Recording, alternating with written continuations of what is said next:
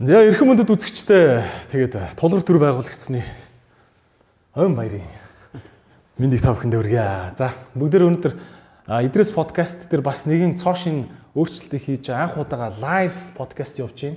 Тэгээд манай подкаст одоо хотын төвийн Туушин Best Western зочдуудлын яг зүүн талд байдаг Лагшин гэдэг офис билдинг байгаа. Тэгээд ногоон 10 хэдэн давхар байшин байгаа. За энэний хамгийн оройд дээрээс 360 viewтэй юм гоё газраас, гоё нэрхтэй газраас ярьцлага хийж байна. Тэгээд гавыг ах болохоор манай хамгийн анхны бүр ингээд бид хоёр нэг юм утсаар таны офисоос нэг юу ийдсэн те лайв байдлаар яг анхны подкастыг хийжсэн. Тэгээд би болохоор тэрийг яг нөгөө камергүй утсаар хийсэн болохоор манай подкастын 0 дугаар гэж нэрлэдэг.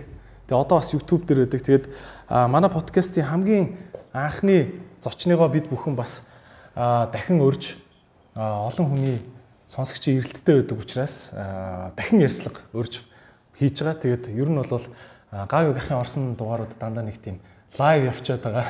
Гурав дахь нь ч гэсэн бас тийх байх гэж бодож байна.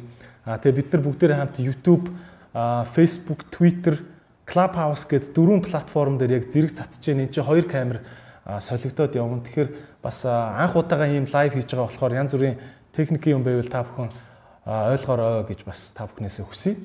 За тэгээд гав гахт өдрийн минь төргий. Сайн байна уу? та бүхний лагшин тунгалгуу лагшин цамхаг дээрээс сэтрэгийнхээ урилгаар хаврын энэ сайхан нартай өдөр та бүгдтэй мэдчилж байгаа баяртай байна.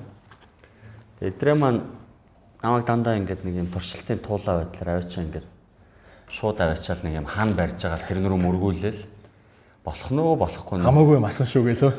Тэгээ нөгөө уцаа барьж орж ирэл За уяга хааста гялс хийчих, гялс хийчих. Юу их гэж байгаа гэсэн лайвийнэ л гэсэн тэгэл сүултээ дээр нь подкаст болоод манай анхных болсон шүү гэсэн тэр чи одоо 2 3 жилийн өмнө. Тий, 2 жилийн өмнө. Манай мик зүгээр ажиллаж байгаа тий. Юун дээр тий. За. Аа нөхөр маань ингэж ингэж ярьж ярьж яснаа. За за би одоо хичээлээ заалаа явлаа баяртай гэл тэгэл баяртай ч жоохгүй баярлаа ч жоохгүй тэгэл алга болол нэг юм 2 жилд нэг удаа нэг юм хичээлээ зааж байна уу чи? Зааж байгаа англи англи маань юу маань аппликейшн болсон та бас сонссон бах те HippoCards гэдэг сонслог. Хуучин ч би чинь зааланд зовж зовж 50 хүнд хичээл бөө юм болж ордог байсан. Одоо манай аппликейшн руу өдөрт 50 мянган хүн хамгийн багтаа орж үгээ цээжилж байгаа. Тэгээ нэг тим амжилттай байна да 2 жилийн дотор. Баяр үргээ. За. За тэгээд ер нь эдрээ мундгөө мунд. За баярлаа. Баярлаа. За өнөөдөр нэр спонсороо та бүхэн танилцуулъя. Экос Экос усыг та бүхэн мэдэх бах 8.5 pH гэдэг бол маш зөөлөн ус гэсэн үг. Тэгээд та бүхэн Монсыг мэдэндээ тэгээд Монс групп бол хажуудаа шинжлэх ухааны бүхлөвтөн парктай, үйлдвэртэй, сургуультай, лаборатори бүх юмтай. А тийм учраас маш шинжлэх ухаанд суурилсан бүтээгдэхүүн идэг. Тэгээд ийм зөөлөн экос усыг та бүхэн сонгож байгаарай гэж зөвлөмөр байна. Тэгээд манай спонсороор ажиллаж байгаад бас баярлалаа. За хоёлаа тэгээд гавьхаа манайх ерөөхдөө подкастн дээр та мэдж байгаа. Та өөрөө бас айгүй тийм темптэй бас юу ярьдаг те энергитэй ярьдаг хүн. Тийм болохоор хоёлаа хурдан хурдан яваа. Тэгээ фэнүүдийн гэхүү те таны фэнүүдээс ирсэн асуултууд ингээд мангар олон ирсэн би тэгээд шүүгээд хөвлөцсөн байгаа шүү. Айл болох олон асуултыг явахыг хичээе. Тэгэд гавыг ахын хувьд бол хүмүүс мэдж байгаа бас айгуу тийм юу те бас анхны дугаар дээр ч хоёлаас ярилцсан хурц тий бас нэлээд controversy гардаг те controversial character гэж бол одоо баг хэлж болно. За тэгэхээр танаас бол хурц хурц асуултуудыг асуух гэж бас хэрэндээ бэлдлээ. Тэгээ хоёлаа ярьцлаа эхлэх үү. Тэгээ да. За тэгээ. За ер нь бол одоо ингээд apprentice гэд нэвтрүүлэг гарлаа. Улс түмнэрээ үзлээ те. Бизнес их ямар хэцүү байдаг, зовлон жаргалын бүгднийг харлаа. Тэгээ та бас ингээд яг chairman хүний нүдээр бас CEO-нуудыг яаж ажил чалгаруулж авдгийг нэлээд яруу тод харууллаа гэж бодож байна. Би бол бүх дугаарыг үзсэн. Тэгээд нэгдүгürt баяр хүргээ маш тийм гоё нэвтрүүлэг болсон. Баяр шоу болсон. За тэгэд энтэй холбоотой бас танай ард санхүүгийн нэгдлийн хувьцаа тэгээд арт coin гэдэг ингээд бас крипто мөнгө гэж цоошин сэдв байна л да. Тэгээ миний хувьд гэвэл яг үндэ ингэж хувьцаа мөвцөө авч юусаа дарж үзэж байгаагүй. Тэгээд танай ардын хувьцааг би авцсан байжгаад жил гарны өмнө сая 500 арай өрөг багт нь авсан билүү дээ. Тэгчээд би нөгөө нэвтрүүлгийн чинь сүүл хэсэг дээр зарцсан л та. Яа тэгэхээр би нөгөө нэвтрүүлгээс болж ингэж өсөж жагаад нэвтрүүлэг дуусангууд үнэн унчих байх гэж бодоод нуурсан багт нь зарсан. Гэхдээ миний хувьд бол яг ард санхүүгийн нэгдлийн хувьцааг аваад ингээд жил дараад яасан ашигтай байсан. Аа за тэгээ энэ энтэй холбоотой ерөөхдөө сүүлийн үед залуучууд бас ингээд зөвхөн Монгол гэлтгүү дэлхийд даяар энэ хувьцааны талаар маш их ярьж байна те. Америк нэгдсэн улс ковидтай холбоотой иргэдтэй нөгөө санхүүгийн дэмжлэг болгож маш их мөнгө тарааж байна. Триллионоор нь ярьсан доллар тарааж байна. Хүн болгоны 600 доллар одоо 1400 доллар өгнө гэдэг чинь те. Энэ их мөнгө бас энэ санхүүгийн хэмжээнд тавьчих юм уу? А санхүүгийн зах зээлийг маш их идэвхжүүлж байна. А тэгээ энтэй холбоотойгоор одоо нөгөө Gen Z гэж гараад байгаа шинэ үе гараад байгаа. Энэ бүх үеуд хувьцааг зүгээр баг уцнаасаа авдаг болчлоо тий. Ер нь маш идэвхтэй болж байна. Тэгэхээр би энэ хувьцаа яг хувьцаат компани доторх зүйл гэдэг тал дээр нэлээд фокуслж танаас хурц сайхан асуухыг хичээе. За тэгээд за нэгт нь ийм байна. Монгол санхүүгийн зохицуулах хороо гэдэг нэг байгууллага байгаа тийм. А та ер нь яг ийм санхүүгийн мэрэгчлэлтийн үеийн хувьд энэ байгууллага потенциалынхаа хэдэн хувиар ажиллаж чадчихээн. Би бол иймэрхүү аягүйх сонсоод байгаа байхгүй. Монголын санхүүгийн зохицуулах хороо яг эсэм дээр хүний нөөц айгүй дутагдaltaй байна. А дүрм журмаа одоо энэ крипто энтергээ гарч яхад ингээд дүрм журм нь журмаа баталж ингэж боловсруулж судалж гүйцэхгүй байна гэдэг иймэрхүү яриа сонсоод байгаа байхгүй. Үйл ажиллагааг та яаж үнэлж байна? Яг хоо хорооны хувьд ч гэлтгүү ер нь амьдрал өөр айгүй хурдтай өрсөлдөгдөд байна шүү дээ. Шин технологи гарч ирж байна. Тэгээд заавал одоо хорооны ч хүмүүс биш манай улсын их хурлын гишүүд, яам тамгын газар, жирийн иргэд мэрэгжлийн ингэж өөрийгөө тодтогоод одоо хүмүүст юм заагаад байдаг нөхдүүд өөрсдөө уучраа болохгүй зөндөө бодолж байгаа явдлууд бол гарч ирээд байна. За. Ард санхүүгийн нэгдлийн хувьцааны хувьд болохоор түүхэн нэлээд урт удаан хугацаанд үргэлжилсэн. Тэгээ хөрөнгө оруулагч үндэстэн болно гэд зарлсан. Тэгээд нэгэнт монголчууд хөрөнгө оруулагч үндэстэн болёо гэд ингээд шийдэж байгаа бол тэр нь өөрөө аа тодорхой хэмжээнд нөгөө бэлтгэл ажил явагдсан. Чи одоо санаж байвал би нөгөө хөрөнгө оруулагч үндэстэн гэж чуулга уулзалтуудыг хийгээд байдаг байсан. Сүүлийн хэдэн жил. Тий. А тэгэнгүүтээ хөрөнгө оруулагч а үндэстний хүрээнд бид нар одоо Монгол шуудангийн хувьчлалд оролцож байсан. Өнөөдөр Монгол шуудангийн хувьцаа 1200 төгрөгт хүрч байна. Сүүлийн 3 хоног 15%-аар өсөө явчлаа. Би цааш шалтгааныг мэдэхгүй. Би өөрөө тууц дээр нь байж байгаа сая гарсан. А гэхдээ ер нь бол Монгол шуудангийн үйл ажиллагаат хилээд байна. А төр засгаас энийг бол цааш нь дэмжих юм байна. А цаана нь бол одоо нөгөө сангийн сайд гарч ирээд Монгол шуудангийн хувьчлал маш зүг байсан. А тэгээ нэг цааш нь бол үргэлжлүүлээд бусад компаниуд дээр хийн гэдэг ингээд зарлчлаа шүү дээ. За тэгэд арт кредитийн хувьцаа өнөөдөр 220 төгрөгт хүрч байна. Он гарахаас өмнө би Монгол шуудангийн хувьцааг 600-аар авч тусгасан. Одоо сүүлийн дийл дээр. Арт кредитийн хувьцааг би 70 төгрөгөөр авсан. Он гарахаас өмнө 1 тэрбум төгрөг. Тэгэхээр 220 болчлоо гэдэг чинь би 3 сарын дотор мөнгө 3 нугалсан гэсэн үг. Арт кредит дээр. А манай компани үнэлгээ энийг дагаад өсөж байгаа. А бид нар энэ зах зээл дээр бол оролцоогүй. Бид нар юу хийж байгаа вэ гэхээр нөө манай мэрэгжлийн гэдэг нөхдүүд энэ манипуляц хийгээд байна. Би эсрэгээр бүр зарлж агаад төвөлт хийнгээд дээрэс нь хямдруулж агаад иргэдэд урамшуултаагаар арткойн дагалдуулж байгаа зараад байгаа шин. Тэгээ юм ойлгодог бол зархлаар үн унах хэвээр авбал өсөх хэвээр. Тэгэд энийг манипуляц гэх үү одоо буян гэх үү эсвэл хөрөнгө оруулагч үндэстнээ үнэхэрээ хийгээд ингээд чин зориод ингээд яваад байна гэж харах уу хүмүүс өөрсдөө дор бүрнээ дүгнэлтээ гэсэн.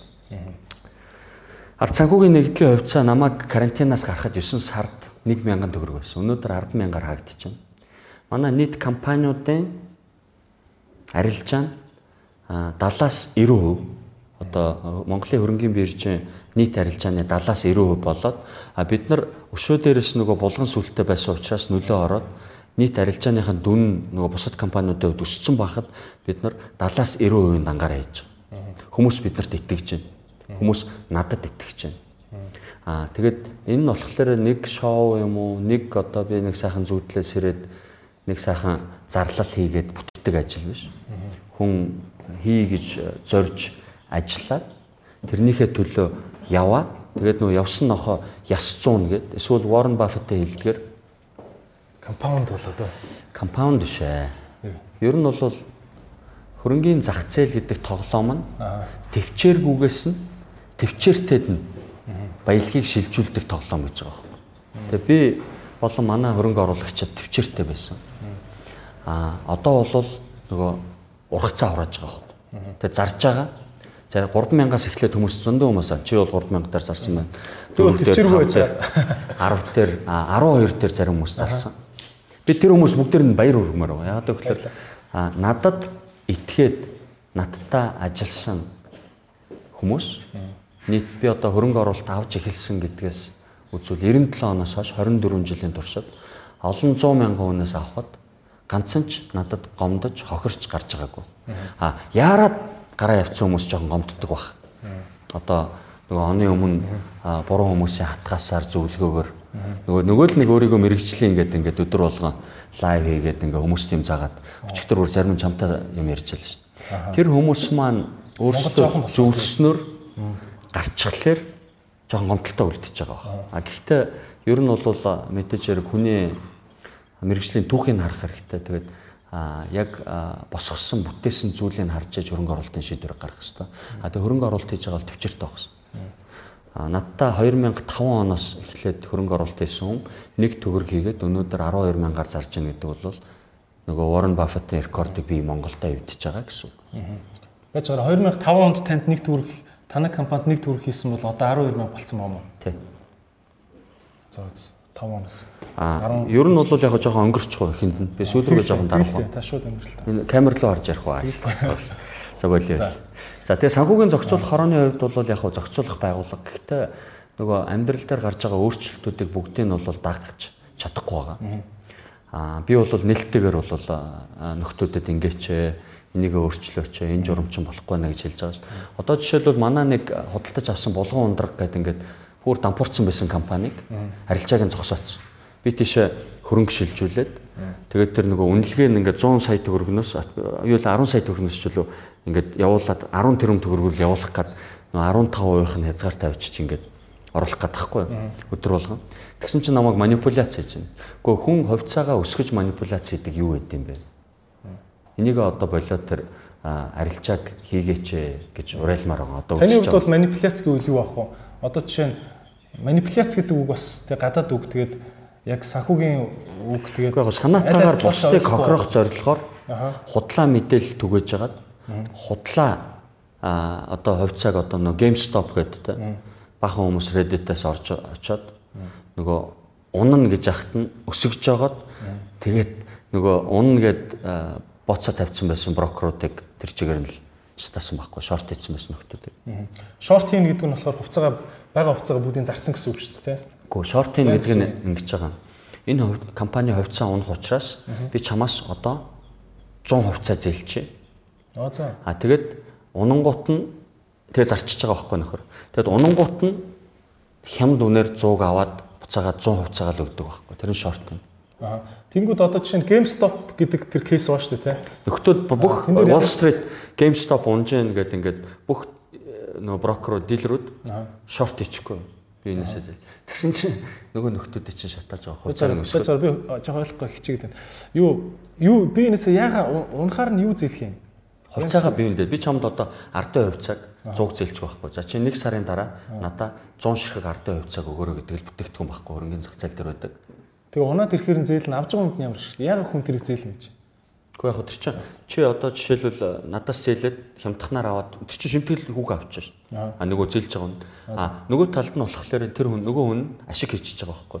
Унж байгаа хувьцаа юм чинь 100 зээлж авангуудаа буцаага сарын дараа 100 гөхөд тэр нь одоо юу гэдэг нийлээд 100 сая төгрөг байсан бол 5000 төгрөгөөр аваад өгөө 5000 төгрөгийн ашиг хийчихэж байгаа. Аа за за за окей. Унж байгаа юм чинь ирээдүйн хямдхан үнээр нь авъя гэж уг нь бодсон юм шүү дээ. Тэгээ зэлчихгүй юм. Чин ч өсөд ахлаар чинь хүмүүс чинь шатаад байгаа үстэй. 100 хувьцааны үнд өртөө байдаг. Тий. Тэнгүүд хувьцааных нь олон өрөнд оруулаад байгаа юм биш үү? чинь тэр тэр нөгөө бүх нөгөө Wall Street-ийн дилерүүд чадахгүй. Аа тийм. Тэгээ сенсац. Аа за. Окей. А GameStop дээр ч шүү. Манайд яг тийм шорт хийн гэж байдаг юм. Тэр бүтээгдэхүүн Монголын хөрөнгөний биржээр байхгүй. Тэгээд нөгөө хороо маань одоо энэ нөгөө зах зээлийг хөгжүүлэхийн тулд бол дараа дараагийн зохицуултуудыг гаргаж ирж энэ инновац явагдахыг зөвшөөрөхгүй бол бүх юмыг хорцсон байдаг байхгүй манай дээр одоо. Бүх юмыг ингээ хориод хүлээд ингээ тавьчихсан. 90-ад оны дундуур нөгөө хинч шатах ёсгүй гэдэг.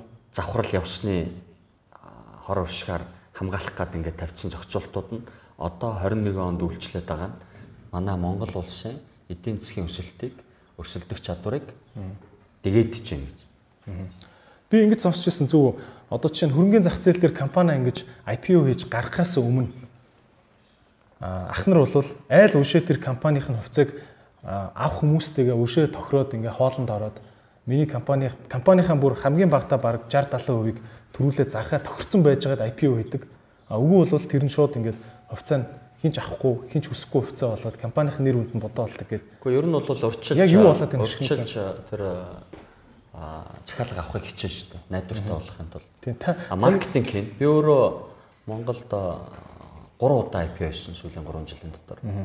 Аа 3 удаа RTO хийж байна.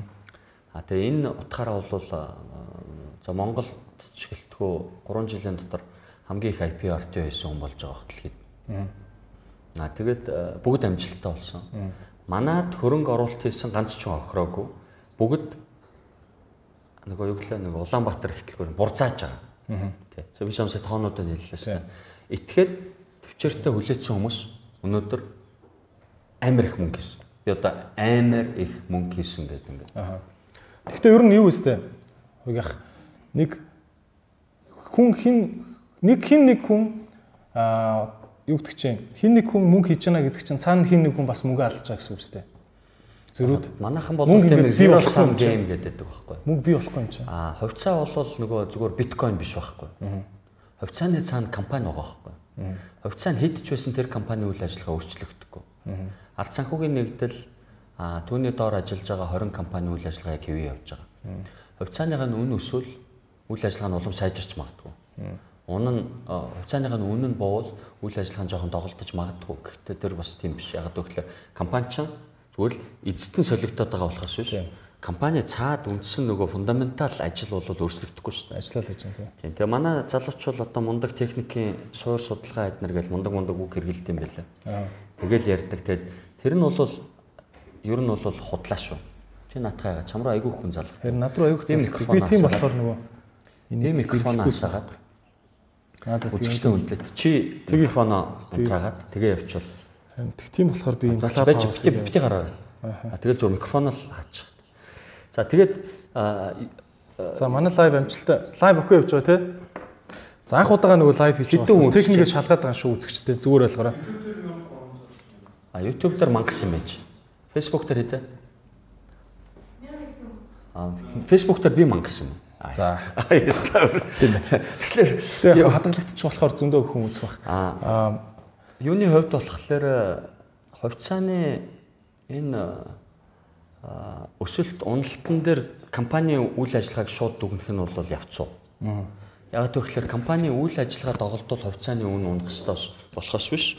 Эсэргээр бол явах ёсгүй байдгийг. Хувьцаа нь унлаа гэд тэр компани заавал муу явж байгаа гэсэн үг бол биш тийм. Хүмүүсийн ойлгож байгаа байдал нь өөр өөр юм тийм. Тийм. Тэгэхээр тэрийг бид нар айгүй цэгцтэй зөв ойлгочихж жагаад асуудлуудаа нөгөө ярихгүй болвол компани нь сайн яваад байхад манай энэ цонхоо хаацсан чинь би халууцаад эхэллээ шүү. За. Тэгээ хувьцаа ярихлаар би ер нь халууцсан. Хувьцаа юм уу секс ярихлаар хайсан. Хот цаанаас хот сэдв болохоор. Тийм. Тэгэхээр би бас халууц энэ нөгөө за яг дуу орохгүйсэн дээр баг. Юуны хувьд болвол өнөөдөр манай компани хувьцаа 10 удаа дахин өсчлөө хөөс гэж байгаа байхгүй. За.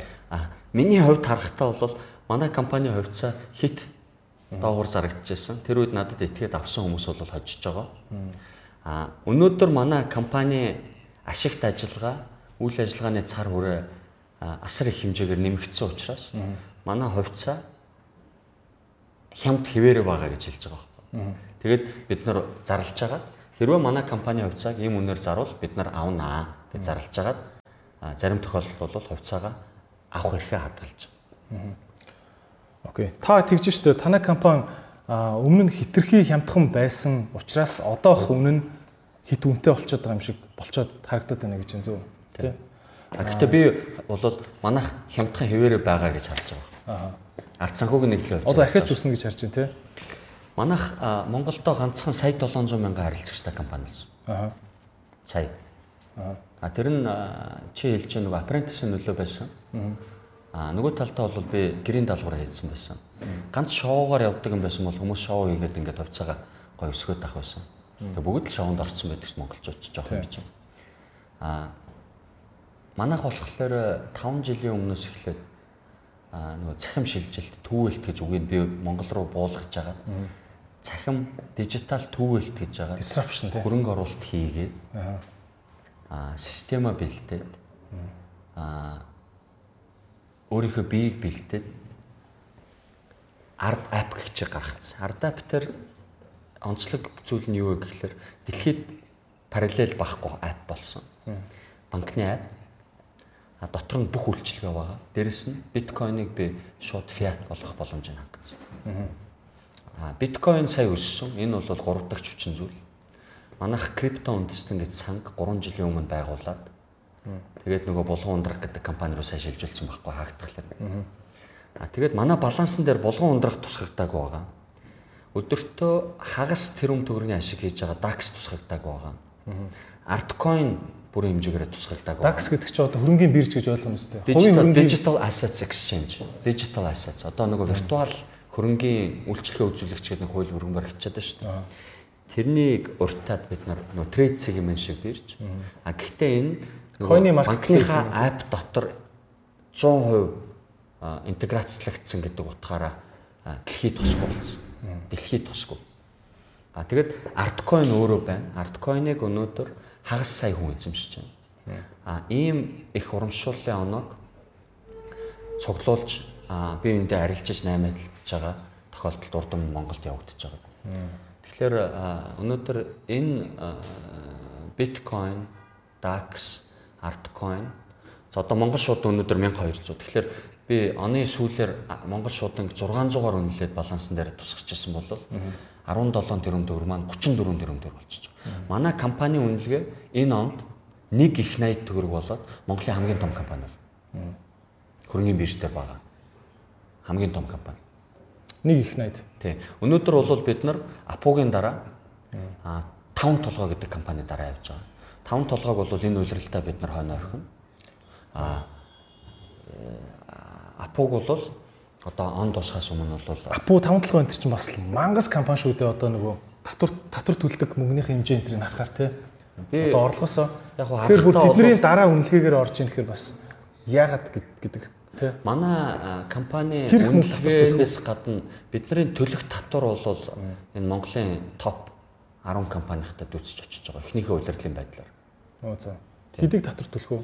Танах одоо группээр Одоо би энэ ондоо нэг э, ятгахтаа оюут толгой хэмжээнд очих болов гэж. тийм том тий. Хөөх. Одоо ингээд надад бол яг хуу Гэтэ чи а, баруунд бол сонссон багтай. Unicorn гэж ойлголт байдаг шүү. Unicorn. өндөр үнэлгээтэй компани тий. Гэхдээ э, тэр болохоор нөгөө шинэ юм гаргаж ирээд ингээд зах зээлийн үнэлгээн дээр Тий. зах зээл нь амар хурдтай одоо Uber гэх компанитай эсвэл Alibaba зах зээл бий гэх. болдог тий. А тэд нар болохоор нөгөө client acquisition, customer acquisition дээ. Амар хурдтай ингээ гэрлийн хурдтай явдаг. Тэнгүүт нь үнэлгээ нь ингээ өсөд ахад нөгөө орж ирэх гэсэн хүмүүс шүү дээ тий. Ингиж явж байгаа юмыг дандаа энэ дээр нь буудаж авахгүй бол авч чаддаг байх. Аа. Тэр компани. Unicorn цоо шинээр бүтээгдэхүүн зах зээл дээр гаргаж ирээд тэгээд гэрлийн хурдаар өсөж зах зээлийг түгээдэг компани гэл. Тэгэхээр манайх бол Монголоос гарч ирж байгаа анхны unicorn гэдгийг би өнөөдөр албан ёсоор идрээд зарлаа. Тэгээд. Бид нар өнөөдөр хуулийн олон нийтийн харилцааны маркетингийн тэгээд хөрөнгө оруулалтын банкируудыг аваад Хойд Америкийн зах зээл дээр гарах ажлаа эхлүүлсэнийг бас аль биесаар ингэ мэдээ. Nice. За баяр хүргэе. Маш олон шин шин шин юмнууд орж ирж байгаа тий. Ард ап чинь бол дөнгөж баг хоёлоо чи хамгийн анхны подкаст хийхэд та Ийм хийж байгаа гэдг нэг үзүүлчихсэн тий.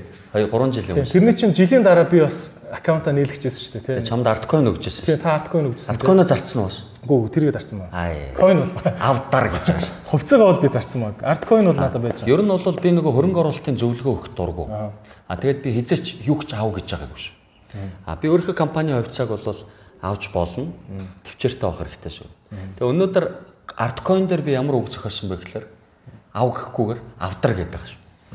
Тэгэхээр тэр дотор нь ав гэдэг үг бас байд юм бэл. Тэгээд дараа гэт. Та нэг юм хуулийн яачих юм шүү. Хуулийн хуулийн ингээ гадуур яваад байгаа юм шүү те. Дотор нь ав гэдэг үг нь байна. Яг үүтэ тэгээд ав зар гэх бол өөр аюултай гэдгийг манай мэрэгчлэнүүд харуулад байна шүү дээ. Тэгэхээр би өөрийнхөө компани хувьцааг бол ав гэж зөвлөх хэрэгтэй хуулиараа. Тэгээ манай компани хувьцааг аваарай хямдхан байгаа гэдэг ингэж нөгөө өөрийнхөө эсрэг мэдүүлэг өгөх ёсгүй те хүний эрхийн конвенц гэдэг шиг. Гэхдээ нөгөө би авч гисэн ав гээгүүч байсан. Би нөгөө компанийнхаа нөөцийн байгуулагч захирал нь учраас хүмүүс алдвал надтай л хариуцлага тооцогддог байхгүй. А өөр хүний компаниг би очоод нэр наад нэг асуулт ч юм аа штэ хариуцлага тооцно гэдэг те. Маа Монголд ер нь нэг юм ойлголт. Монголч яг удаа ер нь дэлхийд хаасаагүй байдаг үлгтэй. Хин нэгэн мөнгөөрөө хохирсон бол заавал хин нэгэн хариуцах тооцох ёстой хариуцна гэж нэг юу болдог шүү дээ. Хил ам болдог шүү дээ заавал те. За одоо жишээ нь хоёлоо зөвөр төсөөлөө ингээд нэг гурван айл үнэхээр санхүүгийн мангар шийдвэр гаргаад зээл авангуудаа байраа зараад трийг coin ч юм уу танаа хувьцаа ч юм уу болгоцсон байгаад ингээд гэр гэрийнхээ одоо санхүүг бүр бодоо болгоо ичлаа штэ. Тэгээ тэр хүн чинь би хин нэгнээс хариуцлага нэхнэ гээд явна штэ. Тэ? Тэгэхээр хин хариуцсан гэдэг нэг асуудал шүү дээ. Ард санхүүгийн нэгдлийн хувьд тийм болвол мэдээж хэрэг. Таны хариуцлага яг хэр хэмжээнд байгаа тийм. Хүмүүс хөрөнгө оруулалт ихтэй бол хариуцлага өөрсдөө ухамсарлаж хийх ёстой. Нөгөө итгэж байгаа компанийнхаа хувьцааг лавна.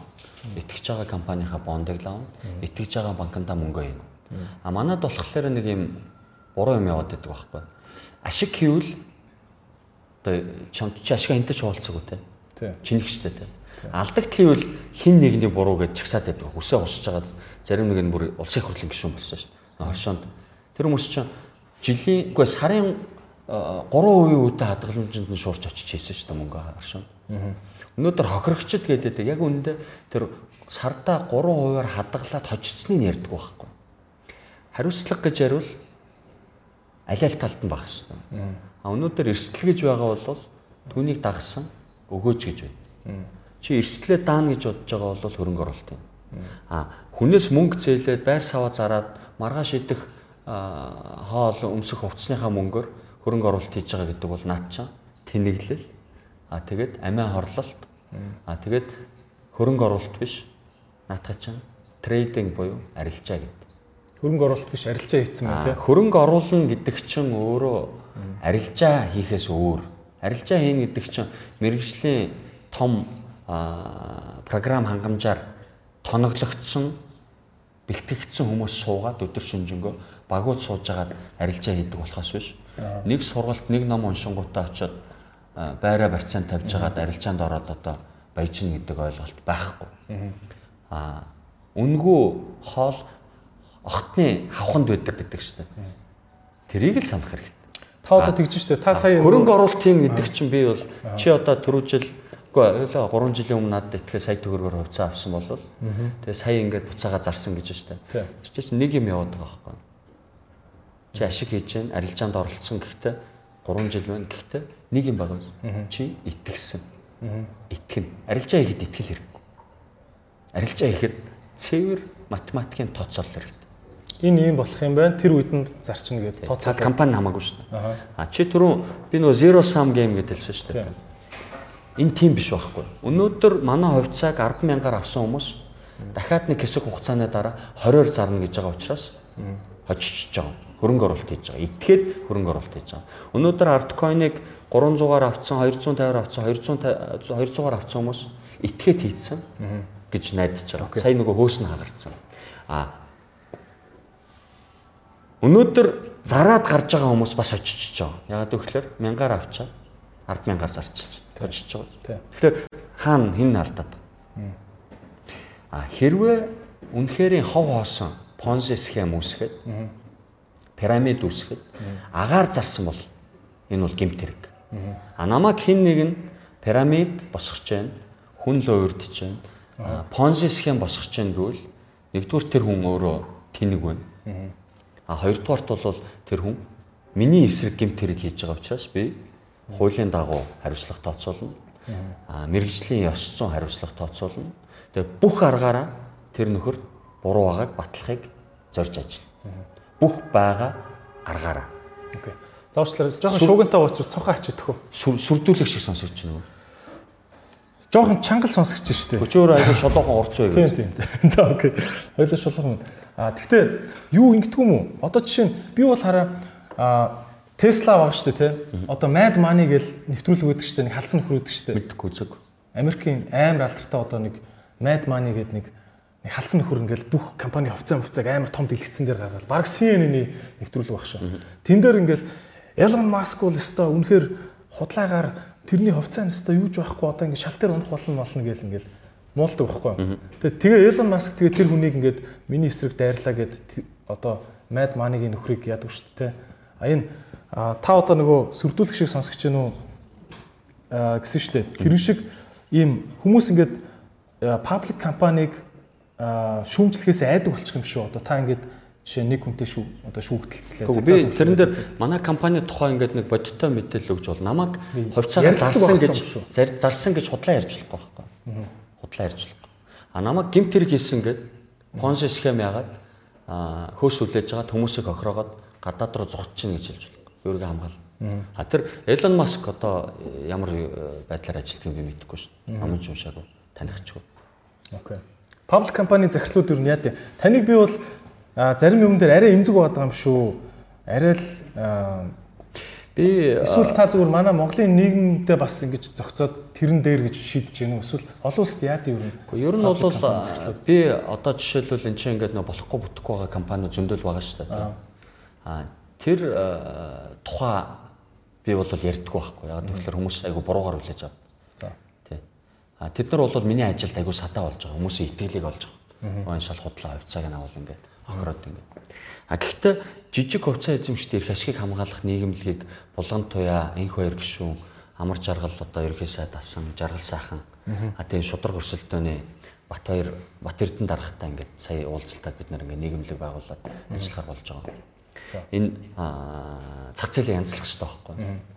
А нөгөө талдаа бол болж байгаа бүтэж байгаа юмн дээр очиж дэвшлэх нулимхыг би зөвшөөрөхгүй. Яг гэвэл хүмүүс ийшээ мөнгө хийх гэж орж ирсэн байна.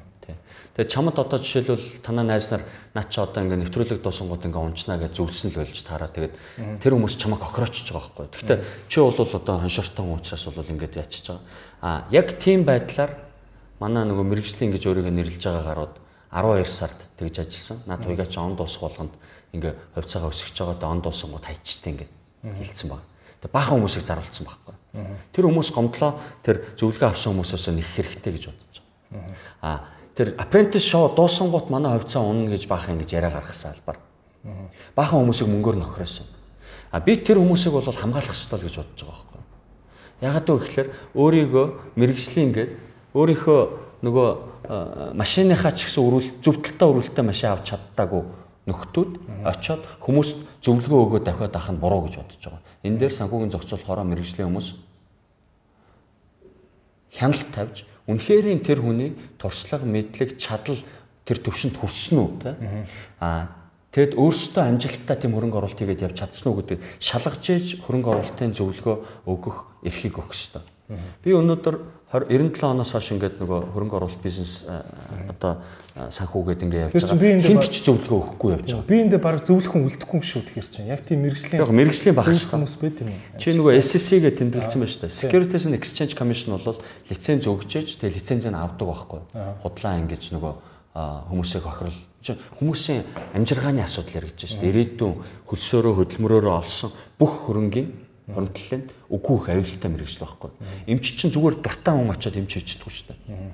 Хүний эрүүл мэнд. А хүний амжиргааны асуудал учраас энэ чинь яг мэрэгсэн гэрчилгээтэй хүмүүс очиж зөвлөгөө өгнө үхээс биш би түр хэлээд байна шүү дээ.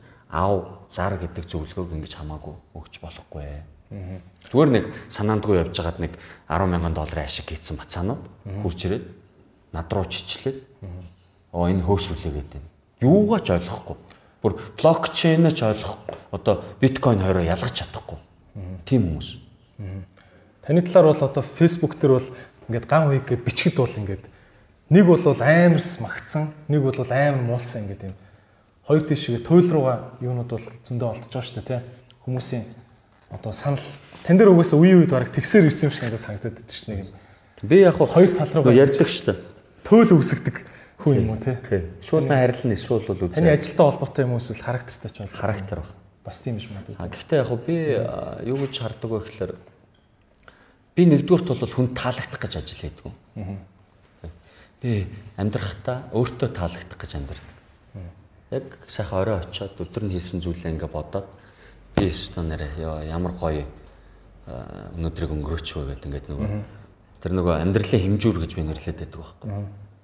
Очоод орондоо орчоод болсон үйл явдлуудаа бодоод өөрөөрөө бахархаад ингээ унтвал чи айгуу гоё амьдр чинь гэсэн үг. Тэгээ чи амьдралынхаа эцэст очоод эргэж хараад харамсах зүйлгүй амьдрна гэсэн үг. Тэгээ чи дандаа зөв юм хийн гэсэн үг. Чи хин нэгнээс сулгаа хийхгүй, худлаа ярихгүй, хин нэгнийг гүтгэж доромжлохгүй тийм. Сэтгэлийн амар амгалан те. Тий. Одоо Монголын амар амгалан гэдэг шиг тийм. Гэтэ Тийм одоо одоо чинь за за би инглээ заяа.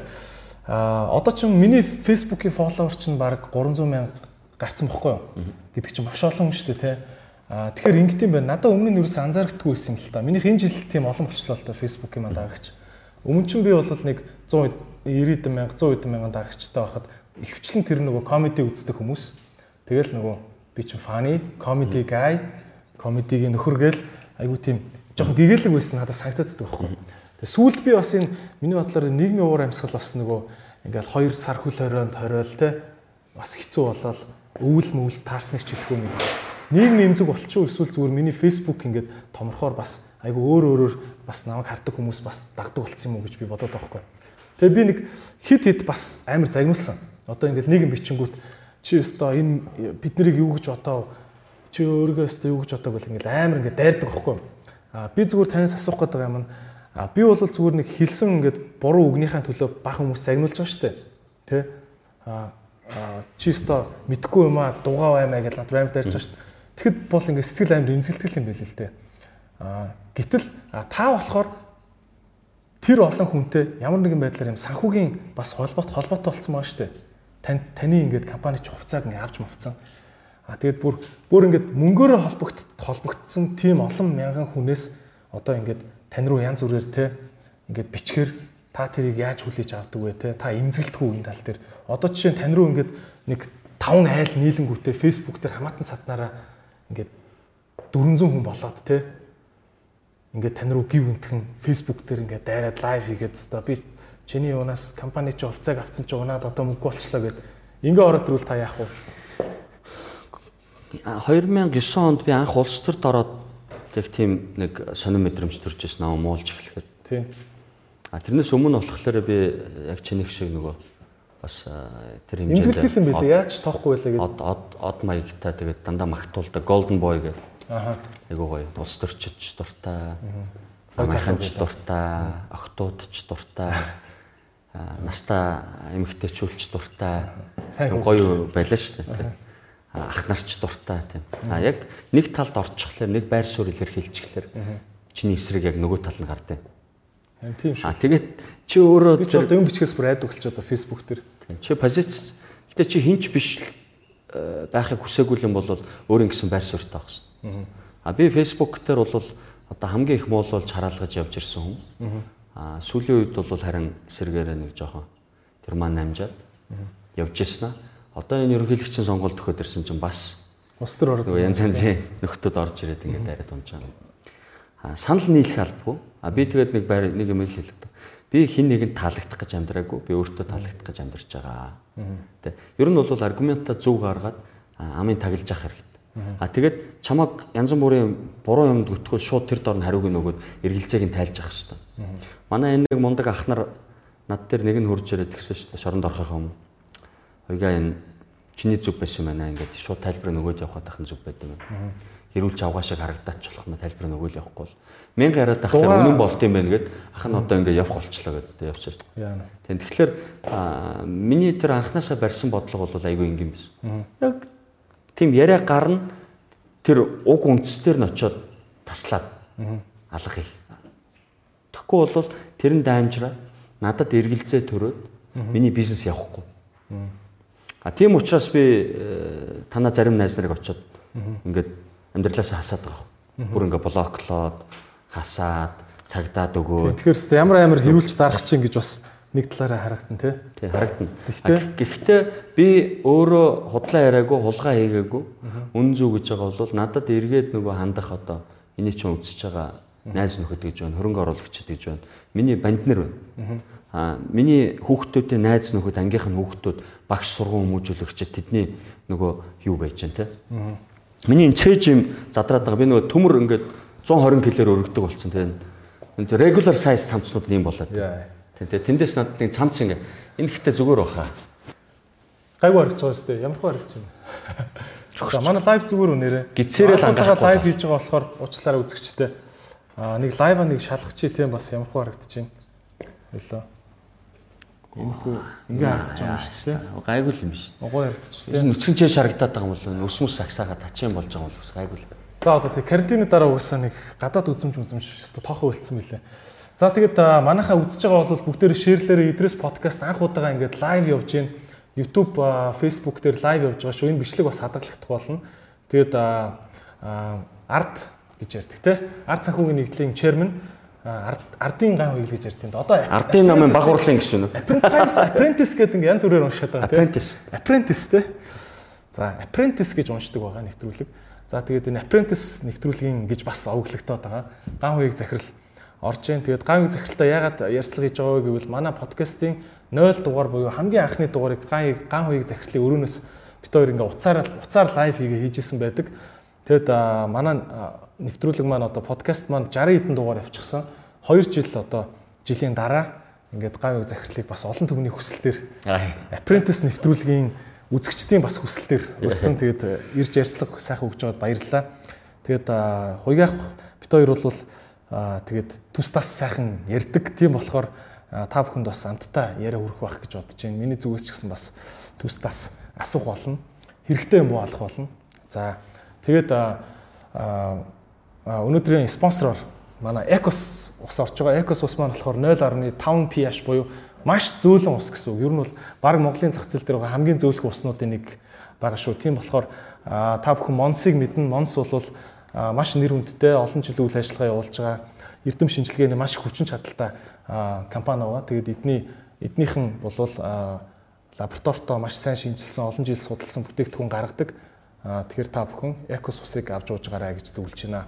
А тэгээд манай авшиг таавар тий лагшин дээр лагшин за уучлаарай. Ерөөсө манай анх удаа энэ ч хийж байгаа болохоор толгой тогтохгүй. Манай нэрийн лагшин тунгалан бовш байна да. Лагшин лагшин таавар шүү. За за тэгээд түшиг өө би чинь хамаг юундхаа гацуудын нэрийг мартаад туушин тий туушин best western гэдэг хотел. Өөчлөө. Энэ комедигийн юу тийм тайз майцыг засчихгүй та ингэ суулгаж муулгаж хүнийг зовоож агааргүй юмд ингэ чинь бүр баларч шүү дээ. Наадах онгоолгол. Бачаар бачаар хуйгах би энийг хэлэхгүй болохгүй. За ингээд лагшин лагшин гэдэг ногоон өндөр одоо офс билдинг байгаа. Тэгээд туушин best western зочдууд л яг зүүн талтаа хотын төвд тэгээд хамгийн дээдлийн давхарт нь битээр юм гоё 360 вьютэй уулзалтын өрөөнөөс яриагаа явуулж байгаа шүү. За юм байна. Тэгээ олон юм зэрэг шинжлэгдсэн чинь бүр төгдөрч байна. За танай компани valuation гэж яриад байгаа тийм valuation гэж яриад байгаа. Үнэлгээний талаар. Үнэлгээн дээр ингэж юм л да би нэг жоох хитэн тоо ухаж үзлээ. Үгүйх. Тэгээ юм байна. Аа нэг юм юу гэдэг ойлголт өгд юм ба штэ. Price to earning ratio гэдэг юм байт юм штэ танаа хувьцааны үнийг одоо танаа орлогонд чинь орлогонд чинь харьцуулахаар нэг тоо гарах юм биш үү? Аа энэ тоог харсан чинь танах за би буруу хараг бол яг өдөрт нэг 170 акц байгаа юм байна. Танаа танаа хувьцааны чинь үнийг хуваах нь танаа одоо орлого. Ингээ харахаар 170 гэдэг тоо гарч байгаа юм байна. Тэгэхээр нэг бол орлого нь айгүй бага байна. Нэг бол танаа үн чинь хитрхи өндөр болоод энэ тоо 170 гэдэг том тоо гарч ийн гэж би бол харах гэдэг. Чи эцэдээ тоонууд харсан уу? Саяхны тоонууд. Ер нь баг сарын доторх тоо. Яаж сарын тоо? Хаанаас харсан? Аа би энийг танах хараа. Танаа нэг танаа pre-tax profit ч нь шүү дээ те. Татварын өмнөх орлого чинь сая энэ би 20 оны сүүлийн тоо гэж ойлгосон. Аа 20 оных хот тийм. 20 оны 100-ны 100-ны 66 тэрбум төгрөг. Татварын өмнөх цэвэр шиг. А тэгээд market cap гэж яриад байгаа миний ойлгосноор өстой тэр таны хувьцааны нийт үнэлгээ юм шиг байна тий. За би бас нөгөө санхүүгийн одоо хиллгүүдийн холь Яг сольж би чам тайлбарлаад өгье. Давж гараа. Би нэг асуулт асууч. Тэрийг харахаар а, 284 тэрбум хавцаа дээр гарсан тоо шүү заяа. А тэгэхээр харин чи түрүү жилийн орлогыг энэ жилийн үнэлгээтэй одоогийн үнэлгээтэй харьцуулахлаар ч ямар утга вэ? Гүү. Би түрүү жилийнх дээр нь харьцуулсан. Чи түрүү жилээгүй шүү дээ. 284 бага шүү дээ. Манайх он дуусахад 48. 50 тэрбумын үнэлгээтэй харсан. Тийм үү? Тий. Он дуусахад ч 12 сард 1700 төгрөг. Чамд нөгөө өгсөн хүмүүс тэгвэл- худлаа хэлээд байгаа. Тэгвэл одоо price to earning ratio чи хэд дээр байгаа вэ? А яг уу тэр лөө орохоос өмнө шүү дээ би нөгөө unicorn гэдэг юм а чамд дахиад тавтаад хэлчихэ. Тэр нь гэрлийн хурдтай явж байгаа болохоор чи дандаа урд нь очиж бодох хэрэгтэй болно. Одоо чи ингээд шууны анд явж исэн бол шуун нисэж хахад дарвинкара нэг метрийн өмнө барьж байгаад бодглохлоор нөгөө сум нь очоод нөгөө шуун ус очоод ингээд ондог байхгүй. А тэгэхээр чи гэрлийн хурдтай явж байгаа юм дээр хідэн мянган төгрөгийн өмнө авчиж зоож ич чи хувьцаагаа авах боломжтой болох вэ гэдэг. Тэгэхээр та намайг хоёр өөр тоог холиод хуваацсан байна гэж хэлэх гээд. Манай нөгөө мэрэгжлийн гэдэг одоо нөхдүүд ба шүү дээ. Нөгөө чам наа тоог чинь гаргаж ирээд ингээд нөгөө аа ашигч чад байгаа нөхдөд. Тэгэхээр таны хэрэлдэт байгаа хүмүүс өө тоо шүү. Би нэг Гүг яг тэр наадах чинь бол худлаа тоо. Ягаад вэ гэхээр чи 284 тэрбум төгрөг бол өнөөдрийн манагийн үнэлгээ. А бид нар он дуусахад бол нэг 50 орчим тэрбум төгрөгийн үнэлгээтэй байсан. Одоо 1700 чи 28 сая ширхэг хувьцаагаар үржүүлдэг. Тэр үнэлгээ гарч байна. 28 сая ширхэг хувьцаагаа он хаагдахад бол 1700 байсан манайх. Тэгэхээр 50 дээр байгаа. Тэгэхээр наад харьцаа чинь баг гарна нэгдүгээр. хэд хавцаа гарах бол? Одоо хуучч болох байх л та. А Болоо баримтууд баримжаа зүсгөө. За чи 1.1 үгүй 2 тэрбум бага 2 тэрбумыг хуваах нь энэ гэхдээ буруу тоол гарна шүү. За, Нэг 50 баримжаа шүү болохгүй, тий. За price to earning ratio буюу Тийм. а Тэгэхээр 50-ыг чи 25 л гарч байгаа байхгүй юу? 25 юм. За 25 тэ финтек компани дээр ямар гарах уу? За, за. 50-ыг чи 2-оор хуваахлаар нэг 25. За чи team analysis fintech дээр ингээ хийсэн бай гэж бодъё та. А гэхдээ арт холдингс чинь бол ямар компани вэ гэхээр зөвхөн хөрөнгө оруулалт хийдэг компани. Орлого байхгүй шүү. за За. Бид нар Монгол шуудангийн хувьцаатай. Ард даатгалын хувьцаатай. Монгол шуудангийн 31, ард даатгалын 75, а ард кредитийн 65. Тэгэхээр Гэх мэтэр ингээд 20 компани нийлсэн юм ярьж байгаа шүү. Тэгээ тэр үнэлгээнүүдийн ингээд чи нөгөө холдинг компаниг үнэлэхэд бол орлогоор нь харддаг байхгүй юу? Чи кредитийг орлогоор харьцуулж харж болно. А илүү нарийн үнэлгээ хийгүүл санхүүгийн байгууллага юугаар үнэлдэг вэ гэхлээр а book multiplier book value а үнэтэйгээ харьцуулахад хэд дахин үржүүлэгдсэн байна гэдэг. Жишээлбэл би хас банкны өөрийнх нь хөрөнгө буюу equity нь 100 хахад 275-аар зарж байсан. За бараг 3 нуглаа. Одоо 10 хэдэн жилийн өмнө гэсэн. Өөрийнх нь бодит хөрөнгийг 3 нугалсантай Үнээр тэнцвэр зарж байсан. хэмжээний Тэр эрэлтний илүүлэлтэй. үнэлгээ үүсэж байна, Тэр ихтэй private deal. За. А хас бол сайн банк байсан намайг удирдах жахад. А, одоох цаанах ямар А а, тэгэхээр одоо ард санхүүгийн нэгдлийг биш үү те нийт хөрөнгийг яаж тооцох вэ гэхээр өнөөдрийн энэ хувьцааны хаалтны үнэлгээнүүд үү чам түрүүн тэрийг бас харуулчих гэж бодож байсан. Өнөөдөр үү те манай компаниуд ингэж хаагдсан байгаа байхгүй. Ард санхүүгийн нэгдэл биш үү те 100000 буюу 285 тэрбум төгрөгөөр чиний төрч хэлдэг. За. За ард даатгал 285, болохоор 1448 буюу нэг э, энэ чинь одоо нэг үнэлгээ би энэ хувьцааныхаа тоог марчиж. Гэхдээ нэлээд өндөр үнэлгээ байна. ADB бол 235-аар. Шуудан бол а, 1291 буюу одоо 1300-аар. 130 тэрбум төгрөгийн үнэлгээтэй явж байгаа байхгүй. Он дуусахад эн чинь 60 тэрбум холдинг чинь нийтдээ. Энийн 31% нь эзэмшдэг. Тэгэхээр чи Монгол шуудангийн хувьцаал дангаараа 40 тэрбум төгрөг буюу он дуусахад ард санхүүгийн нэгдэл бүхлээрээ 40 байсан бол өнөөдөр Монгол шуудангийн бидний эзэмшиж байгаа хувь нь л дангаараа 40 тэрбум төгрөг буюу нийт одоо өссөн байна тий. Тэгэхээр чи өнөөдрийн ямиг өнөөдрөөр нь харьцуулах а тэгээ apples to oranges буюу яма тэмээ хоёрыг хооронд нь харьцуулахгүй байх хэрэгтэй байхгүй. А тэгэхээр холдинг компани гэвэл Монголд хөрөнгөний бирж дээр ганцхан баг. Ард санхүү нэгдэл. Тий. А өнөөдөр манай үнэлгээ би чамд хэлсэн шүү дээ. Би бол энийг нэг хагас их найдын үнэлгээтэй гэж харж байгаа. Ягаад гэвэл энэ дээр өдөртөө хагас тэрбум төгрөгийн ашиг хийдэг DAX ороод ирсэн. А тэр нь өөрөө сардаа бол 15 тэрбум төгрөгийн ашиг юм. Ашиг гэдэг нь цэвэр ашиг уу? Цэвэр орлого уу? Цэвэр ашиг. Цэвэр ашиг. Зөвхөн нөгөө арилжааны шимтгэл баг. Хамгийн их арилжаа гэдэг. Арткойны үнэлгээ өнөөдөр 200 төгрөгтэй явж байгаа. Энэ нь өөрөө манад нэг 2.5 тэрбум төгрөг байгаа. Чи нэг 200-аар ингээд өржүүлээд үзтээ. Дангаараа хагас их 80 төгрөг байгаа. Хагас их 80. Арткойны нөөцөл. А тэгэхээр би өнөөдөр за эднэрийг хооронд нь бүгдийг нэмээд манад өр байхгүй. Өргүү компани. Манай компани өнөөдөр чи нэг тэр оны сүүлийн тоогоор дүгнэлт хийж болохгүй гэж хэлээд байгаа чинь тэр байхгүй. Өнөөдөр манай компанийн балансын тал нь бэлэн мөнгө, кэш. Чи сая дуулсан баг. Бид нар гачуурт компанид 40 тэрбум төгрөгийн бонд өгсөн. Зээлх. Монголын гачуурт. Одоо а, а, Монголын хамгийн том одоо Чин бод хөдөө аж зарчмын ахуйн компаниуд тий, тий. хөдөө аж ахуйн салбарт манлайлж авч байгаа компани. Бонд бид нар гаргаж өгч чадж байна. Нөгөө банкнаас хамааралгүй болгоё. Хүүгийн бууруулъя гэдэг юмыг бид нар хийж өгсөн. 5 жилийн хугацаатай бонд. Тэрийг бид нар өөрсдөө 100% санхүүжүүлсэн. А тэгээд манай кэш өнөөдөр балансын тал нь бэлэн мөнгөөр үлдсэн хэвээр байж байгаа. Яг одоо танаа энэ одоо групп компаниуд гэж ярих уу юу гэж ярьд юм бэ? Одоо энэ айгүй олон компани шүү дээ. Энэ групп компаниуд дээр чинь яг бэлэн байгаа кэш нь яг хэд байгаа? Би чамд сайн нэг баримжаа хэлчихлээ шүү дээ. Тал нь кэш. Хадгаламж болон бэлэн мөнгө банкуд. Тэр чинь баг 250 хэдий. За чи одоо та таамаглаж бол а 3 дугаар эхний удирлын тайлан а 4 сарын дундуур явна. А 4 сарын 22-ноос 26-ны хооронд манай бүх компаниуд хувьцаа эзэмшдэг орлоо. Тийм. Окей. Тэн дээр та зарлах юм шүү дээ. Тэгвэл тайлангуудаа тавь шүү. Манайх хамгийн нээлттэй уг нь хагас жилээр тайлан тавих хэрэгтэй байдаг. Би яг улирлаар тавилдаг байхгүй бүх компаниудаа. 20 оны чинь тайлан бол гараагүй байгаа шүү дээ. 20 оны тайлан. Гаралгүй яг. Нэг нэг сарын 10 дээр бид нар хамгийн түрүүнд бүх тайлангуудаа Facebook live хийж байгаа зарлаа хийсэн. Тэ бүх тайлангуудаа вебсайт дээр тавьсан.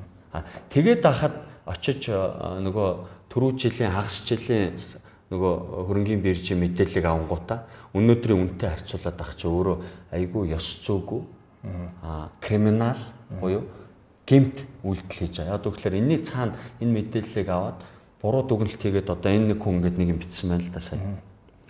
Аа хувьцаагаа зарцсан юм байна л да. Гэхдээ яг хуу нэгч мууч юм биш бас биш байна. Бахан л баярлалаа гэсэн. Үзүүлсэн юм. Тий. Энэ хүн болохоор 2015 онд төр хөрөнгө оруулалт хийгээд тэгээд 500% ашиг иччихээ баярлалаа гэж байна. Одоо юу штэ. За таны компаниудын чинь одоо ингээд тоонод байгаа штэ. Ер нь бол би бол хизээч юм санхүүгийн зах зээлийн талаар ингээд юм нормалны сургалт бүр ганц өдрийн сургалт авч үзээгүй юм баггүй юу? Тэ? Аа ихэнх ихэнх одоо танай компани хувьцааг авч байгаа хүмүүс тиймэрхүү байгаа бах гэж би бол хувьдаа бодож байгаа. Одоо Монголд ингээд юу ч үгүй нэгдүгээр сургуулийн урталт санхүүгийн анхан шатны мэдлэг олгох сургалт явуулчих ингээд нэг тийм бол сонс хизэж би сонсож байгаагүй. Аа тэгэхээр ер нь бол одоо ингээд тоо те одоо саяны миний хэлдэг те одоо price to earning гэж одоо монголоор нь юу гэдэг юм бэ энэ харьцаа гэж байна. Үн орлогын харьцаа. Зөв үн орлогын харьцаа. P ratio гэдэг байхгүй. P харьцаа. За энэ шиг тэгвэл иймэрхүү нэг юм хідэн key тоонууд байгаа шүү дээ. Хамгийн гол гол чухал тоонууд те. Та зүгээр яг хуу яг зүгээр боловсролын гэдэг утгаараа энэ энэ энэ хідэн тоог харахад одоо хүний нэг биеийг нэг даралтыг хэмждэг, температурыг хэмждэг, жин хэмждэг шүү дээ. Тэр шиг нэг юм price earnings болоо шүү дээ. Operating буюу үйл ажиллагаа явуулдаг, үйлдвэрлэл явуулдаг компанидэр хамгийн зохимжтой байдаг. Санхүүгийн байгууллага дээр price earnings үзүүлэх нь утгагүй. Банкн дээр, даатгалын компани дээр яг гэвэл тэд нар чинь дандаа нөгөө өглөг авлага энэ бэлэн мөнгөөр ажилладаг байхгүй. Орлого гэдэг ах юм чинь чинь айгу жоохон тэгээд нэг сони юм байдаг байхгүй. А тэнд бол яг байгаа мөнгийг нь активыг нь үнэлж үнэлгээ хийдэг а тэрийг бол price book value multiplier нь. Тэгэхээр нөгөө компани балансын дээрх үн хувьцааны үн өнөө хоёрын харьцаа. Тэгэхээр хөрөнгөний бирж дээр зарагдж байгаа үнийг нь equity-гээр нь хуваахлаар multiple нь гараад ирдэг байхгүй. Price book танах тэр тоо одоо хэд дээр вэ? Манайх одоо түрүү жил бол 0.75 та байсан. А яг үнэндээ бол одоо манай нөгөө букийг хараад хэлэхэд айгүй хэцүү. Би чамд хэлсэн шүү дээ. Бид нэр гэрлийн хурдаар яваад байна. А тэнгүүт нэг нь хилчгээр дараа нь байна. Бидний book value чи өөрөө юунаас болж өөрчлөгдөж байна уу гэхээр манай нөгөө компаниудын үнэлгээ өнөөдөр энэ 7 хоногт Монгол шуудангийн хувьцаа 800 төгрөг дээр нэг сар гацчихад 1300 очичлаа шүү дээ. Дөнгөд манай book value өөрчлөгдөж байгаа үз. Аа. Тэр чинь нөгөө манай нийлбэрийг бүрдүүлж байгаа нэг бүрдүүлбэр нь шүү дээ. Тэгэхээр энэ даблчихлаар манай нөгөө харьцаа үзүүлэлтүүд өөрчлөгдөд байгаа. Би тэгэд нэг л зүйлийг хэлж байгаа шүү дээ. Манай хувьцаа өөрийнхөө нийт бага хөрөнгнөөсөө доогуур зарагдаж байгаа. Хямдхан байгаа.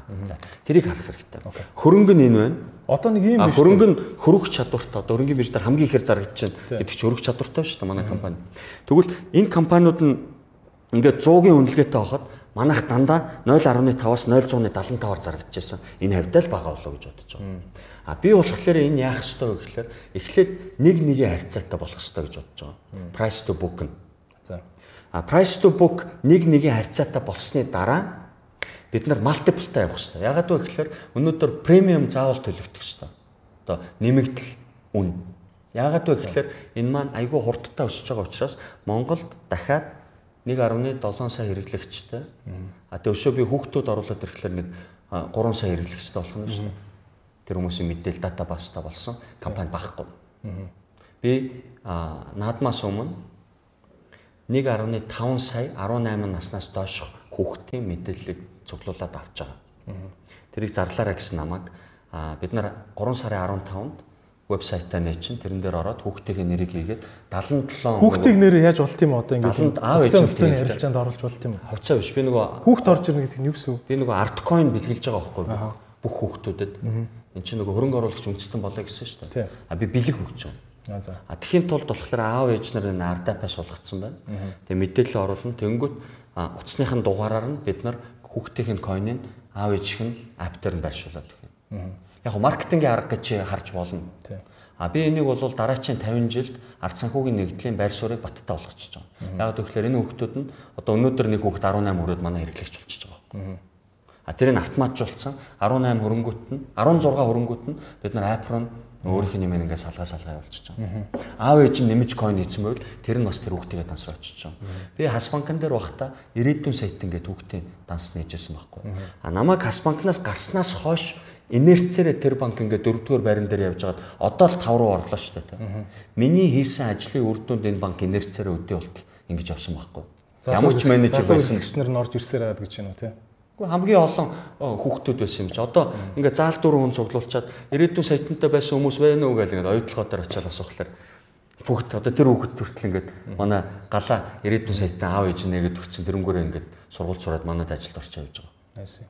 Тий. Тэгэхээр тал хувь нь дандаа гараа өргөдөг байхгүй. Одоо энэ тэнд ингээд лекц уншаах болохоор ирээдүйн сайтанд хамрагдсан байна. А энэ бол би анханасаа итгэжсэн.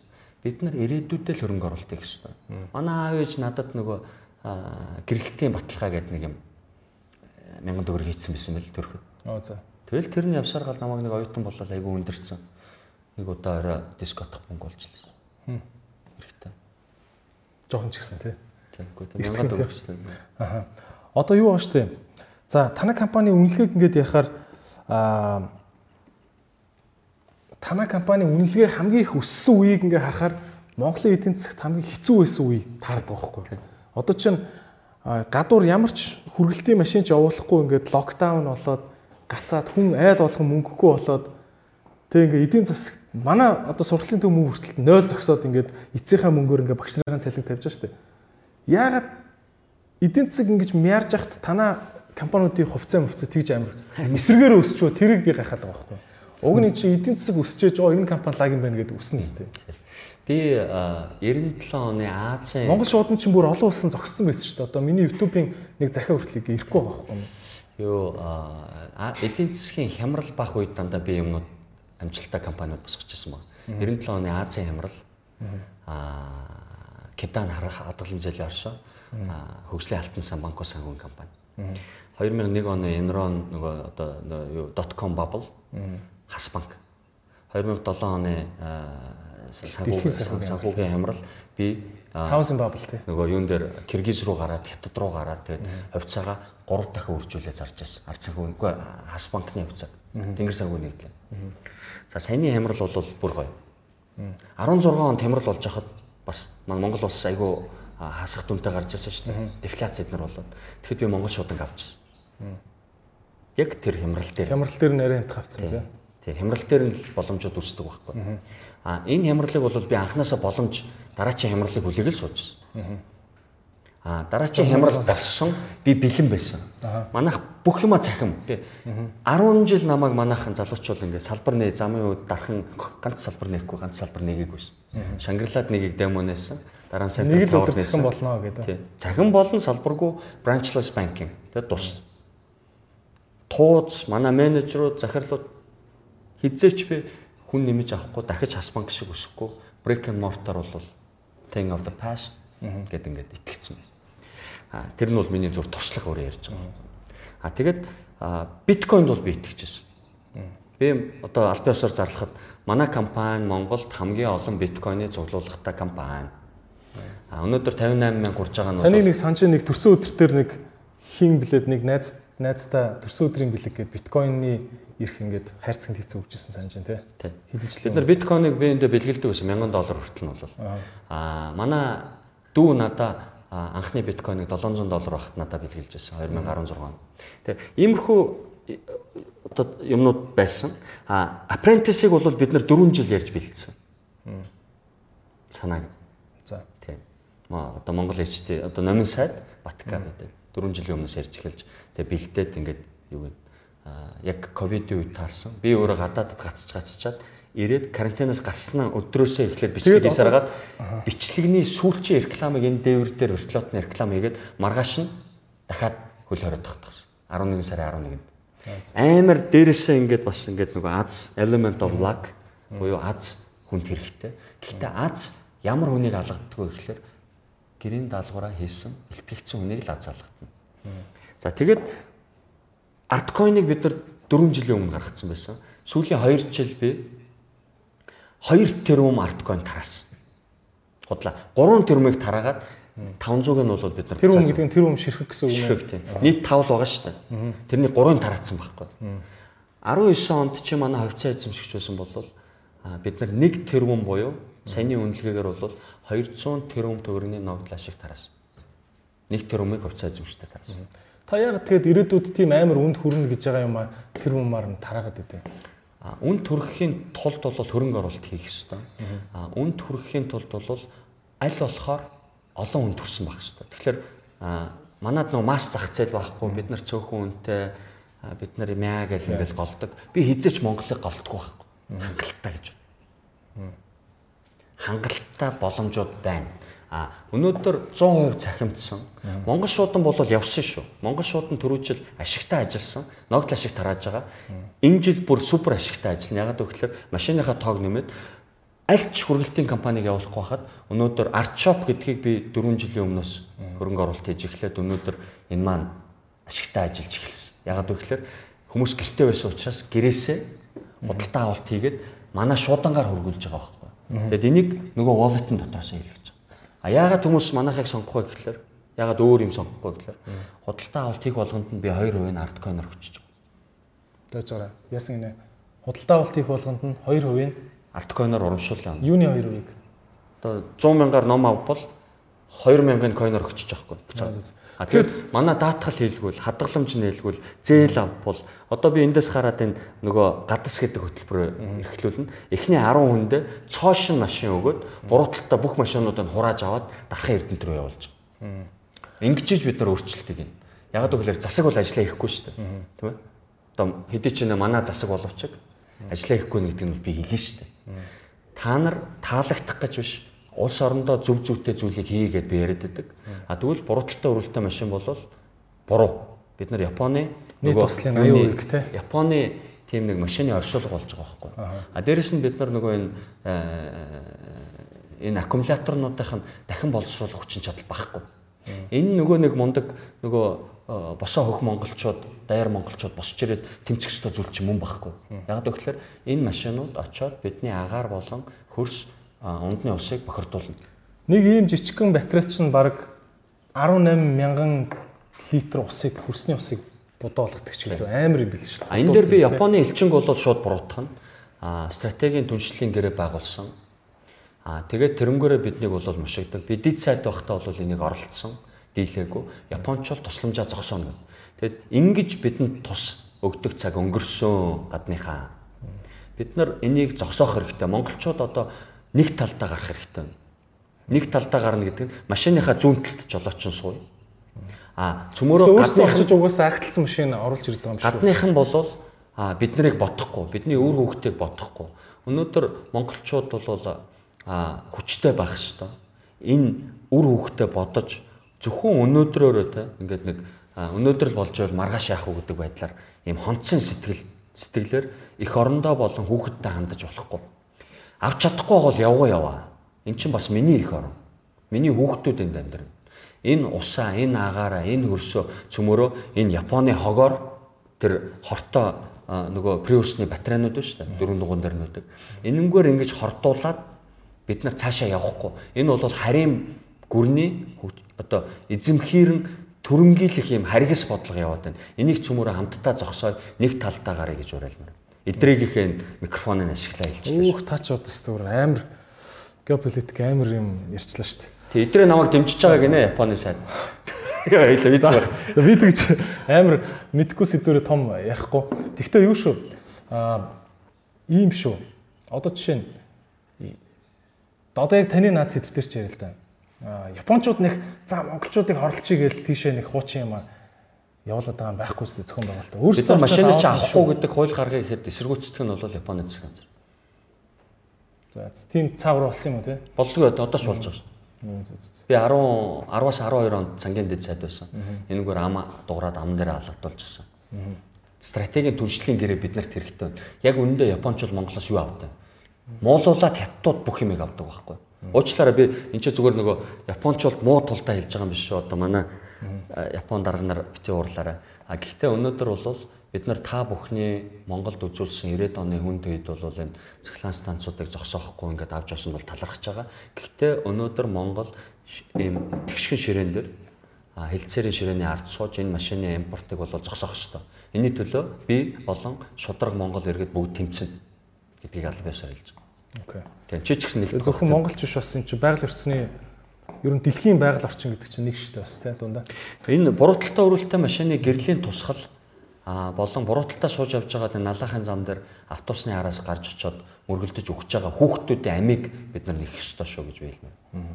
Окей. Тэр чи айгүй хурдтай явж байгаад ингэж гарч ирэнгүүт яг энэ ч нэг гар байж байгаад энэ ч гэмгүй энэ ч бурууталтай нөхөр ингэж. Ер нь нийт тослын 70 80% нь бурууталтай үйлдэл машинаас болдог гэдэг юм лээ тий. За окей мэдээж Идрээс подкаст бол зочныхоо хизээч үзэл бодол үгэнд нь бол саад хийхгүй хэлэх үгээ хэлэх ёстой. За А клуб хаусын дуу орж ирдэн те. Хаана орж ирд? Багч чинийх туул ороод. Минийх давхраар заавчлаарай. Натхан дуугна микрофон юу энэ спикер л байна да. За минийх бол хамгийн баг дээр л байна. Манийг эсвэл цаашаа авчихгүй байж болж гэнэ. Л чи ингэ яваад байгаа шүү. За ингэ 550 амар үзсэн. Окей. Аа за ингэ уучлаарай энийг яч мөртлөө авчих. Хажуу талаас шуугаад байна те. За окей. За ер нь бол free speech Монгол улсын нэг сайхан юм хүн болго хэлэх үгээ бол хэлэх ёстой. Хүн болго өөрийнхөө аа үгийг хэлэх эрхтэй Тэгээд авах гэхийн ухаанаар хандах ёстой. За тэгээ ийм байна. За цаашаа түрүү би хэллээ л да танай компанид бас нэг ингээд үнэлгээний хувьд за Монгол шуудангийн хувьд бол окей хүргэлт мүргэлт нэмэгдээд ингээ үйл ажиллагаа сайжирсан байж а ард санхүүгийн нэгдлийн бусад компаниудын хувьд те үйл ажиллагаа нь одоо саяны энэ хөл хорионоос болж доголдоогүй юу те ягаад За Монгол шуудан сайн явж байгаа юм байж бусдууд дотор ингээд муу явсан компаниуд нь байна уу? Муу явсан компани бол байхгүй. Гэтэ хүндрэл бол учирсан. Мэдээч хэрэг би өөрөө 2 сард гараад 8 сарын дунд хүртэл гацсан шүү дээ. Тэгээд 9 сарын дундуур л карантинаас гарч ирсэн шүү дээ. Тэгээд бүх юмыг бол зайнаас явуулсан. Айгүй хүндрэлтэй байсан. А нөгөө талдаа бол нөгөө арт кредитийн зээлийн багцыг бид нар нөгөө айгүй сайн ажиглах хэрэгтэй болсон. Ягаад гэвэл хүмүүсийн орлого тасраад ажилгүй болчихлоор чинь зээл авсан хүмүүс төлөхгүй болно гэдэг эрсдэл байдаг шүү дээ. Тэгээ тэрийг менеж хийх гэж бол бид нар нэлээд сайн ажилласан. А бусдаар бол манай бүх компаниуд дандаа нугарсан. Одоо манай арт актив гэдэг хоршоо гэхэд түрүү оны эхэнд 4 тэрэмтэйсэн бол өнөөдөр 20 тэрэм төгрөгийн активт бол. Тэр чинь оршоо шүү дээ. Ард олон жилийн оршоо. Аа Тэгэхээр миний Life хэлцээ- Ард Life гэдэг нөгөө тэтгэврийн сан байна шүү дээ. Тэр чинь аа 20 оны 1 сард 10 тэрбум төгрөгтэй байсан бол өнөөдөр 50 тэрбум төгрөгийн дээ. 50 тэрбум. Нэр тэр тэтгэврийн сан гэснээс танаа зүгээр apprentice-ийг үзэж байхад нэвтрүүлэг дундуур а энэ ийм тэтгэврийн сангийн багц а, авах юм бол тэдэн хувийн Өгөөчтэй. өгөөчтэй энэ төргээ тэгээдсэн шүү дээ. Тэгээ ер нь яа тийм шүү. Одоо ийм янз бүрийн ийм сангууд энэ төр тэгж өгөөж амлах нь хуулиараа болт юм уу? Бид нар бол ингэж байгаа шүү Өгөөж дээ. амлаж болт юм уу? Өгөөж юу шүү дээ. Амлах юм. Хуримтлах дээр нь бол шууд жилийн 12 өгөөл нөгөө фикс байхгүй өгч байгаа. А юун дээр хөрөнгө оруулалтын өгөөж бол бид нар одоо зорилтод өгөөж гээд одоо манай үндэсний хөвчлөлийн сан а, 17% өгөөж амлсан байхгүй. Проспектус дотор тэр нь бол амлаж байгаа. Тэгж болт юм уу ер нь? Зарчмаар чинь бичээл тэл а, амлах тэр хүн итгэж болно итгэхгүй ч болно. Бид нар а, 17% өгнө гэж ингэж амлаж байгаа байхгүй. Гэхдээ тэр нь баталгаатай биш. А тэгвэл бид нар үндэсний хөвчлийн санг аягүй нийтмээ 10 сард байгуулад 29% өгөөж өгсөн. Эхний 3 сард 29. Өнөөдөр юу болсон гэж? За. Манай үндэсний хөвчлийн санд хөрөнгө оруулалт хийсэн хүмүүс мөнгө нуглаад гарч байгаа. 5 сарын дотор. Энэ бол өөрөө нөгөө хөрөнгийн зах зээлийн гайхамшиг байхгүй. Чиний хараа. Би бүр одоо энийг бол бас ийм болно гэж би бас э, хүсээчгүй, мөрөөдөөчгүй гэхдээ 100-аар авсан хүмүүс энэ 220-оор зараа гарсан байна. Тийм ээ. 15 20.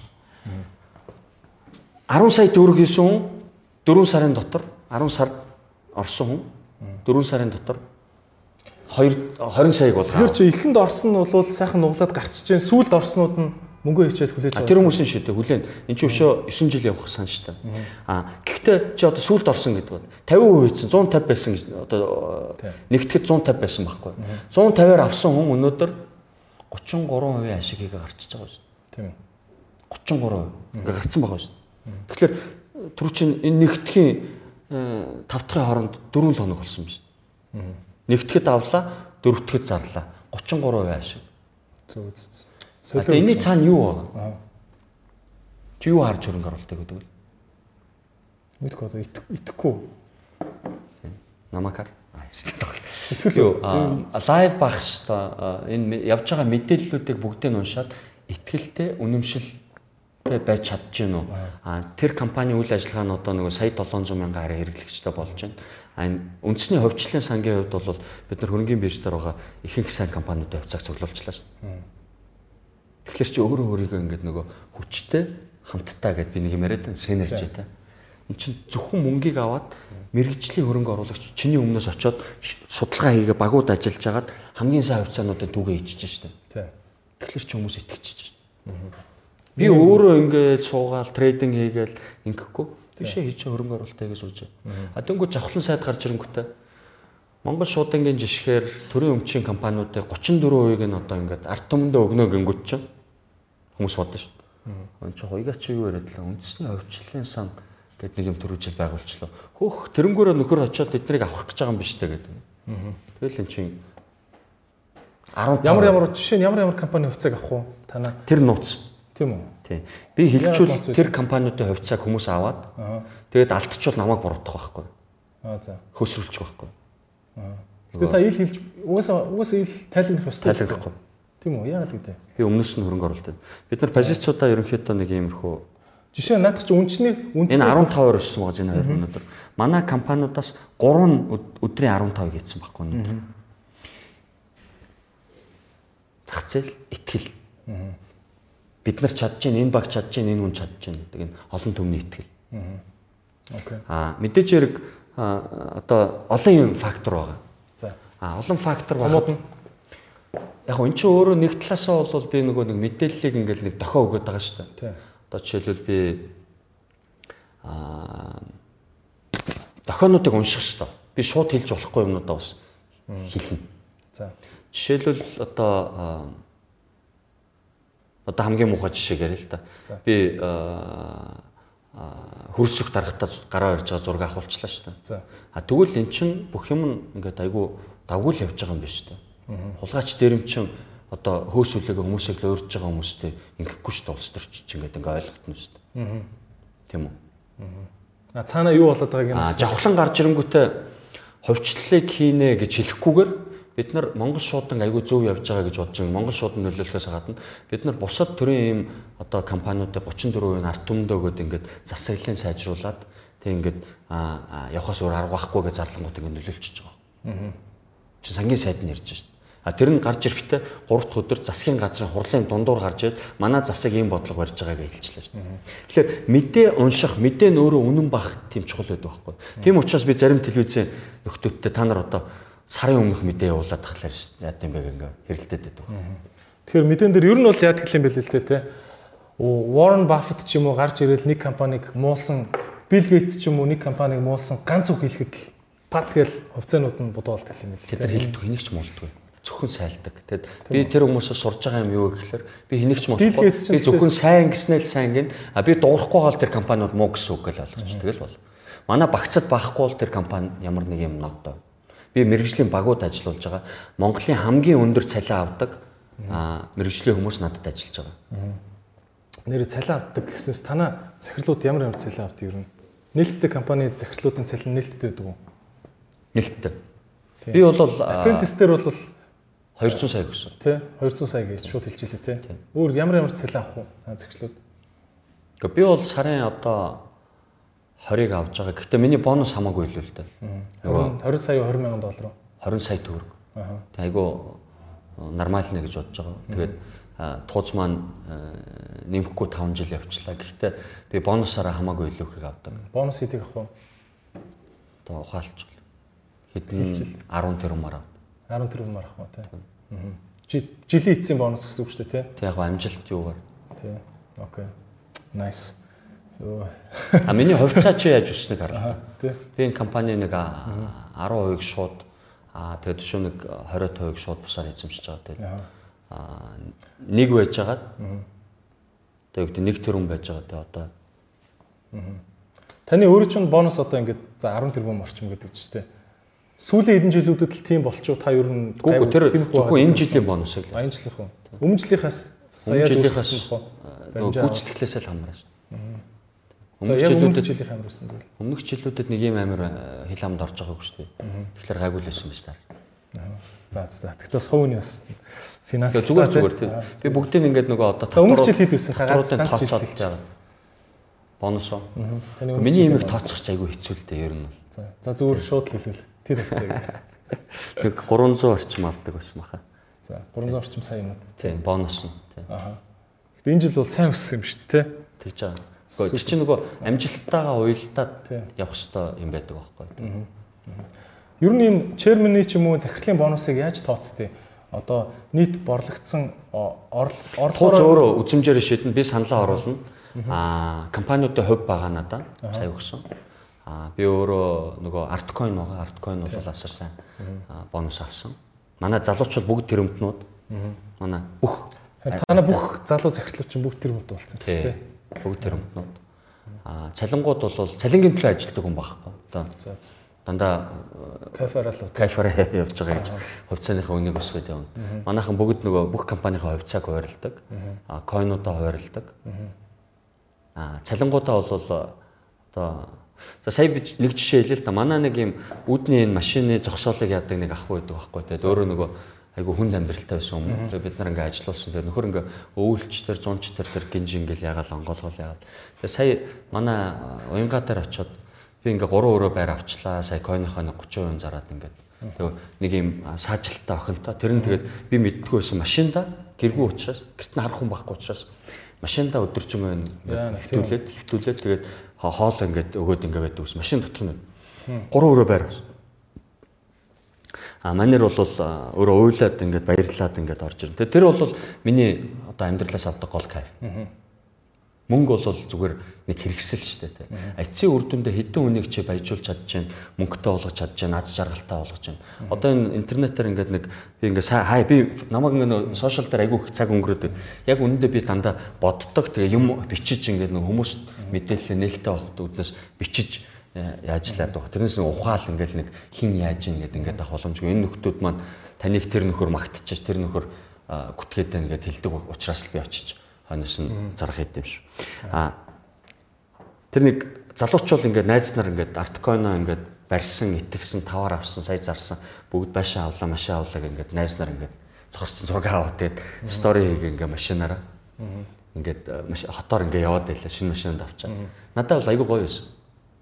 Тийм түүхүүдийг сонсоод. Сая би тэр нэг хөрөнгө оруулагч үндэстэн дээр нэг юу чи тэр хөрөнгө оруулагч үндэстний нэг түүхийг гаргаад ирдэ. Би тэрийг уншаад үзүүлчихэл гэж бодсон. Нөгөө энэ туушин дээр хөрөнгө оруулагч үндэстэн гэж чуулга хийсэн. Тэгэхэд нэг сая төгрөг гэсэн нөгөө ногдлаа шиг аваа койн аваад тэгээ сая хувьцаагаа зараад ингээд. Өө уйлаа уйран босноо. Гэхдээ энэ сая дэдэн сая танаа танаа хөрөнгө оруулагчдын хурал баг бөөн юу болох юм шүү. Уйлсан Тий. Бүүлсэн амьдрал яг хүмүүс бол айгүй гой гойор хүлээж авч байгаа. Бид нар тэр энэ койны ч бол үнгүүл өгөөд байсан шүү дээ. Аа тэгээд хүмүүс нөгөө над руу инстаграмаар тэгээ фэйсбүүкаар тэгээд имэйлээр асрах юм ярьж байгаа. А амьдралдаа анх удаа өргөн ингээд явах ямар гоё юм бэ вэ гэхаа танд баярлалаа. Манай гэр бүлийн танд зөв үр талархна. Эсвэл бол би сая нөгөө гэр хороолт ингэж байсараагаад ингээд одоо ингээд нэг байшинд орлоо. Таны ачаар инглээ. Тим талархлын үг сонсоход бол надаа одоо ямар ч одоо материаллаг тийм бэлэг одоо цалин хөлснөөс гоё юм байна. Яг гэвэл би мөнгөний төлөө хизээч явж байгаагүй. Би хэлдэг штэ. Би Монголын хамгийн баян хүн болохын төлөө хизээч ажиллаж байгаагүй. Би баян Монголыг бүтээхийн төлөө монголчууд бүгдээрээ баян болвол би айгүй гоё баян гэсэн үг байхгүй бас адилхан. Тэгээ гудамжинд гараад утаагүй, төвчрэлгүй, бухимдалгүй одоо уур уцааргүй юм аз жаргалтай юм нийгэм цөмөрө зохиоч л та. Тэрийг хийхэд бол зүгээр л жоохон чин зориг хэрэгтэй байгаа байхгүй бид нар чин. Яг одоо нэг юм биш үү? Та та ингэдэж штэ. За одоо таны хэлж байгаа авдар гэдэг үг үг нь штэ. Тэрний цаад утгыг ингээ тайлбаас те. А наад авсан хувцаагаа бити буцааж юу юу зараад дээ. Тэгээд наана ингээ барьжээ гэсэн үг штэ. Гэтэл та ингэдэж штэ. Би сая гэр оролт байсан залуу байр авчлаа гэж юм. Машингүйсэн зал хүн машинтаа олчлоо гэж юм те гэдэг чинь энэ ч зараад байна зараад байна гэсэн үг үстэй. Тэгэхээр одоо би бодоод байна л та монголчуудыг ингээд бүгдийг баяжуулна гэдэг хүсэж ин гэж штэ. За ингээд нэг сая монгол хүн хувцас авчлаа. Тэгээд эдгээр чи эзэн нэг цагт зарж иж л яг мөнгөө мөнгөтэй болно шүү дээ. Тэгэхээр хэр удаан барих хэвээр юм те хизээ зарах хэвээр. Яг тэр зарж байгаа хүмүүс бол өөрсдөө нэг ашиг аваад болчлоо гэж шийдвэрээ гаргаж байгаа. А би бол одоо ингээд ороод бид нарыг энэ арткойнороо тэгээд манай хувьцаа тэр Америкийн биржээр гартал нь хүлээвэл ишөө илүү их ашиг хийшүүл гэж хэлж байгаа байхгүй. Америк ямар бирж дээр гэх юм? Би харин нэрийг хэлж болохгүй болоод хойд Америк ингээ нэрлээд байхгүй. Аа за за. Тэгээ одоохондоо нөгөө сая энэ чи пресс релиз гарцсан байж та манай нөгөө саяны юм. Би тэгээд пресс релиз гарцсан учраас л чамд хэлж байгаа байхгүй. Нөгөө Art Holdings International dual list юу dual биш. Шууд Америкийн бирж дээр гарнаа гэдэг ингээ зарласан. Директ листинг үү тий? Тийм листинг. Аа. Экос. Эрүүл амьдралын ус. За сайхан ярилцж байгаад дахин зочиндоо баярлалаа. Гавыг ахт баярлалаа. Тэгээд ардын гавыг Apprentice гэж шоуны бас гавыг захирал хүмүүс мэдж байгаа хоо тэгээд танилцуулах хэрэггүй юм чинь шууд цаашаа үргэлжлүүлээ. Тэгээд өнөөдрийн спонсороор Ecos ус байгаа. Хамгийн зөөлхөн 8.5 pH-тай гээд хамгийн зөөлхөн гэсэн үг а ус орж байгаа. Тэгээд өнөөдөр спонсоруудаа бас баярлалаа. Манай лагшин цамхаг те лагшин офис билдинг. Би бас сая анх удаага энэ байрлал дээр орж байгаа болохоор нэрийг холь солчлоо бас уучлаарай. Аа туушин Best Western зоч дуудлын яг зүүн талд байдаг, хотын төвд байдаг. Хамгийн дээдлийн давхраас гоё 360 viewтэй харагдцтай ийм газар ярьцлага хийж байна. Энэ өсгөөтэй ингээд онгойлгочвол айгүй болох юм дотор онгоох баг. Нар татаа онгойлгочихдгоо. Одоо нар буурсан юм чи айгуугаар гэж. За тийм шууд лайв явж байгаа. Манай подкаст анх удаага лайв явж үзэж байна аа гавь захиралтай бол мэдээж ардын хувьцаа ер нь хөрөнгөний зах зээл тэгэл хувь хүний хөрөнгө те coin гэл дан ийм сэдвүүдээр л одоо их эрэлттэй байдаг учраас энүүгээр нь ярьж байгаа шүү. Уг нь бол маш олон өөр ярих юмтай хүн. Тэгээ хоёлоо цаг үлдэвэл бас тэгээд гой өөр амьдралын сайхан бус бас бусд юм яри те. За эхлээ ажил хэргийн юмнуудаа ярьчих гэж бодож байна. За энэ танай компани а А би би нэр түрүүний асуултаа гүйцэж байна. Та ингэж штэ хүмүүсийг ерөөхдөө бол надад авсан хувцаагаа юу юуг бити сандарч буцааж зараад ээ гэдэг та ер нь бол байр суурь дээр байдаг гэж би ойлгож байна. А Гисэн хэрнээ хүн чинь мэдээж хувцагаа зарж иж л одоо бай хашаага байр болгоно дээ. Тэгэхээр тэгэхээр яг хизээнэн зарах юм бэ гэдэг нэг асуулт ургаж байгаа зү. Энэ дээр та юу гэж хариулах? Хангалттай хэмжээний ашиг авсан хүмүүс ингээд баярлалаа талархлаа гэдэг ингээд мэдээллүүдийг мессежүүдийг өгөөд байна. Тэрэнд бол би баярлаад байгаа гэж байна шүү дээ. Тэр хүн өөрөө шийдвэр гаргана шүү дээ. А миний зөвлөгөө болохоор би өөрөө нөгөө энэ дотор нь суугаад төлөвлөгөөнүүдөө боловсруулад багуудаа ажилуулад дараагийнхаа юмнуудыг зарлах байгаа учраас а байлгажээ. Улам өнд орно. Улам одоо гоё ашиг хийх гэдэг шүү гэдэг л тийм л зөвлөгөө өгöd байгаа байхгүй.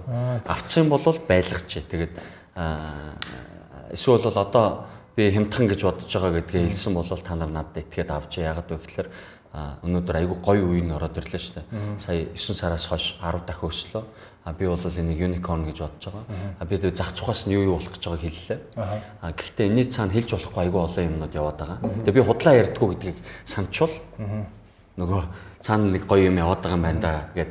Тэгээд намайг бас жоохон ч гэсэн мэрэгжлийн ингээд одоо боддог бол энэ нөхөр айгүй бол хийчих магадгүй хэлсэн юм чи хийчихдээ ингээд ингээ итгүүл байлгаж ил гэж байгаа байхгүй. А зарахын хувьд бол а одоо бид нар 4 сарын 20 дээр хурлаа энэ ногдол ашгууд тараагдана ногдол ашгуудаа бид нар зарлалсан байгаа.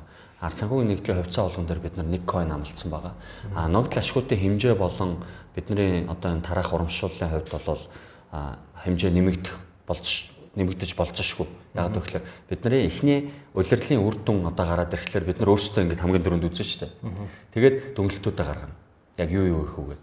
А миний зорилго бол аль болох олон мянган олон сая монголчууд эндээс ашиг өгөөж аваасаа нөгөө нэг тэгш шудраг баян чинэлэг юм нийгмийг цөмөрө зогслох үйлсэд миний оруулж байгаа хувь нэмэр гэдэг энэ шүү гэдгийг л би онцолж хэлээд байгаа юм. Тэгээд 77 ширхэг арткойныг хүүхдүүдэд өгж байгаа 3 сарын 15-нд бүртгэл нэгдэнэ. Гадаадад гатсан байгаа монголчуудад бид нар 1 тэрбум төгрөгийн ханд өгж байгаа. Тэрийг нь бол одоо форм нь 3 сарын 15-нд бөглөгдөнө. Санхүүгийн хүндрэлд орчихсон гэртээ ирж чадахгүй байгаа тусламж нэмжлэг хэрэгтэй байгаа хүмүүст бид нар энийг хүртэнэ энэ чинь улсын онцгой комисстай хамтарч ажиллахаар тэгээд өөрсдөө гацаад ирсэн байгаа манай Facebook групп дээр байгаа нөхдүүд бол одоо оролцоод дэмжиж туслаад явж байгаа. Өнөөдөр Global Shapers нийгэмлэгийн нөхдүүд маань бас ингээд сайн дураараа ингээд энэ туслаад дэмжиж явахаар болж байна. За бид нар Улаанбаатар хотын энэ асуудлыг шийдэхэд бол бас тодорхой нөхцөлтэйгээр хандив өгөх гэж байгаа. Аа нэг тэрбум төгрөгийн хандивыг бол өгнө. Улаанбаатар хотод энэ төгжрэл болон утаа болон одоо юуны асуудалтай энэ хотын асуудлыг шийдэхэд нэн даруй шийдэх ёстой асуудлыг бид нар энэ иргэдийн төлөөлөгчтэй хурлын дарагтай ярьсан байгаа. Манай Улаанбаатар хотын танхимаас энийг санаачлаад хийж байна. За мөн эмзэг бүлгийн харах хандах хөнгөө болцсон байгаа. Тэгээд эмчилгээнд яралтай орох хэрэгтэй байгаа тийм хүүхдүүдэд чи мика нэхгүй яваад байгаа юм шиг таялаа. Хин унтраацсан. Өгийн унтраасан. Оо энэ мика нэгээгүй шүү дээ. Өө за. Баларч байгаа юм. Стахаа өгч байна тий. Тийм ээ. Шууд хэлэхгүй та. Тийм ээ. Энэ шяаж нэдэг үлээ. Би нэгт. Оо энэ биш үү тий. Оо микрофоноо унтраацсан юм. Би дээ та нар цорол айгуу гоё юм яриадсан. Клаб хаусын 500 хэдэн хүнээс та зоосон дээ. Тэрүүнээс. За. Тэрний дуугийг хаагаарай. За Тэгэхээр болвол бид нар эмзэг бүлгийн энэ ялангуяа зовж байгаа зүдэрж байгаа хүүхдүүдэд бол мөн ижил хэмжээний хандвыг бол өхөр ингээд төлөвлөчөд байж байна. Тэгээ манай компани нийгмийн хариуцлага гэдээ бид нар нэг цэжэд дэлдэд реклам хийгээд ингээд тэрнгөр бизнес хийх гэдэг биш юм шүү Энийг бид нар бол яг чин сэтгэлээсээ хийх ёстой гэж компани нийгмийн хариуцлага гэж юм байдэн гэдэг зорилгоор бол хийн. А гэхдээ бол зарлж байгаа нь ямар учиртай вэ гэхээр бид нар зар үргэжээж нөгөө нэг авах ёстой хүмүүс нь энэ хандив тусламжийг бол авнаа гэдэгт итгэж байгаа учраас хийж байгаа юм шүү. Тэгэд мэдээж хэрэг бол хүмүүс одоо энэ гинт юу болоод ингээд гинт биш шүү нөхдөөдөө. Би 2006 оноос хойш дуулаа ингээд энэ тэмцээнийг зохион байгуулсан. 2002 оноос гурван контейнер Nike пүүз оруулж ирээд энэ голоо цөмөрөө цэвэрлэе гэдэг энэ пүүзийг тарааж исэн. Хас гээд хөгжлийн алтан сан гэдэг төрийн бус байгууллагаараа бид нар хүүхдүүдэд туслаа тусалсаар ирсэн. Сэрийн өнчин өрөөсөө хүүхдүүдэд туслая гэд хандив зохион байгуулж исэн. Энд чинь хараагүй сонсголгүй дүлээ хүүхдүүдэд туслаад ингээд жил болгон бид нар гівгэнт тусламж тараагаал ингээд тэдэн тэр бүм юм тараана гэл ингэнгүүт жоохон гэдэг ч тийм. Биш шүү. Бид нар бол энэ дээр реклам хийхийг хүсдэггүй. Дор бүрнээ ажиллаа хийгээд тэгээд энэ ажил үйлстэй итгэдэг учраас бид нар бол энийг ингээ хийгээд яваад байдаг. А өнөөдөр нэгэнт бид нар одоо аа, ажил үйлс маань ингээ сайхан тэгшрээд тэгээд би энэ баян чинэлэг нийгмийг бий болгоно гэчихэд өнөөдөр тэр чинь зовж өдөрж байгаа аа, өнчөө өрөөсөн хүүхдүүдэд энэ ч байгаа асуудлыг шийдэхэд туслахгүй гадаад гатсан байгаа монголчуудаа туслахгүйгээр цаашаа явах бол надад аа, боломж байхгүй гэж дүгнж байгаа. Тэгээд энийг бол та нар маань бас зөвөр хүлээж аваарай. Тэгээд гів гин- гинт нэгдүгürt бол яваагүй. Энэ би насаараа хийж ирсэн зүйл. Би өөрөө зовлон үзсэн. Аа нөгөө талдаа болохоор өнөөдөр бид нар энэ зүйлийг хийхгүй бол цаашлаад энэ зүгээр ингээд нүдэн ханаад чимээгүй ингээд ашиг хийж чинь супер ашигтай нүүн өсөж чинь ингээд ингээд явчвал тэнгэрээс гисгэх баг. Окей. За хувийн ихтгэл өмшил энэ бизнест нь маш их нөлөөтэй гэж хэлж байгаа юм байна гэж би ойлголоо тий. Гэхдээ хуяах нэг ийм ойлголт байгаа шүү дээ. Аа за яг мэдээж одоо ер нь бол захирлынх нь энэ ертөнцийг үүсэх үзэл одоо захирлынх нь одоо баг хүн чанар гэх үү тий. А тэр юмн дээр нь үнсэлж маш их компаниудад итгэдэг шүү дээ. Одоо Tesla-гийн Elon Musk тий хамгийн том жишээ шүү дээ ер нь бол аа амар амар төсөл ярьдаг. Тэрийг хүмүүс бүтэхгүй гэж 10 жил ярьдаг. Тэгэнгүүтээ бүтээж мүтэгээл ингээл бөө юм болдог те. Аа тэгэхээр мэдээж бол танд бол итгэх бол маш олон шалтгаанууд байгаа. Аа нөгөө тал дээр бас энэ танаа баг багд итгэх итгэх итгэж яг хүнэхэр хүмүүс чадахгүй гэдэг бас нэг асуудал байгаа шүү дээ. Итгэл яригдчих байгаа юм чаа. Аа тэнгүүд ер нь бол ийм танах бол одоо хэмжээ нь маш томорж байгаа юуг нь ингээд үнэлгээг нь ингээд маркет кап гэх үү одоо тэрэн зөв хэллэг нь. Тэгээ үнэлгээг нь харах юм бол танах баг апугийн ингээд араас орж ирж байгаа гэж штэ. Энэ чинь маш том штэ. Апуч одоо юу гэсэн үг вэ? Тийм. Өдөртөө тэрүүн төгрөгийн дотор төрөж төлж байсан шүү дээ. ерөөсөө- 19 онд. Тэгээ Монголын шингэн үндэсний зах зээлийн баг 90% гэж би ойлгож байсан. Ямар ч юм орж байгаа бол баг апу юм шүү тий. Би тэгж ойлгож байсан. Э, Экосос бусна. Тий, экосос бас Хасан экос гэж. Тий.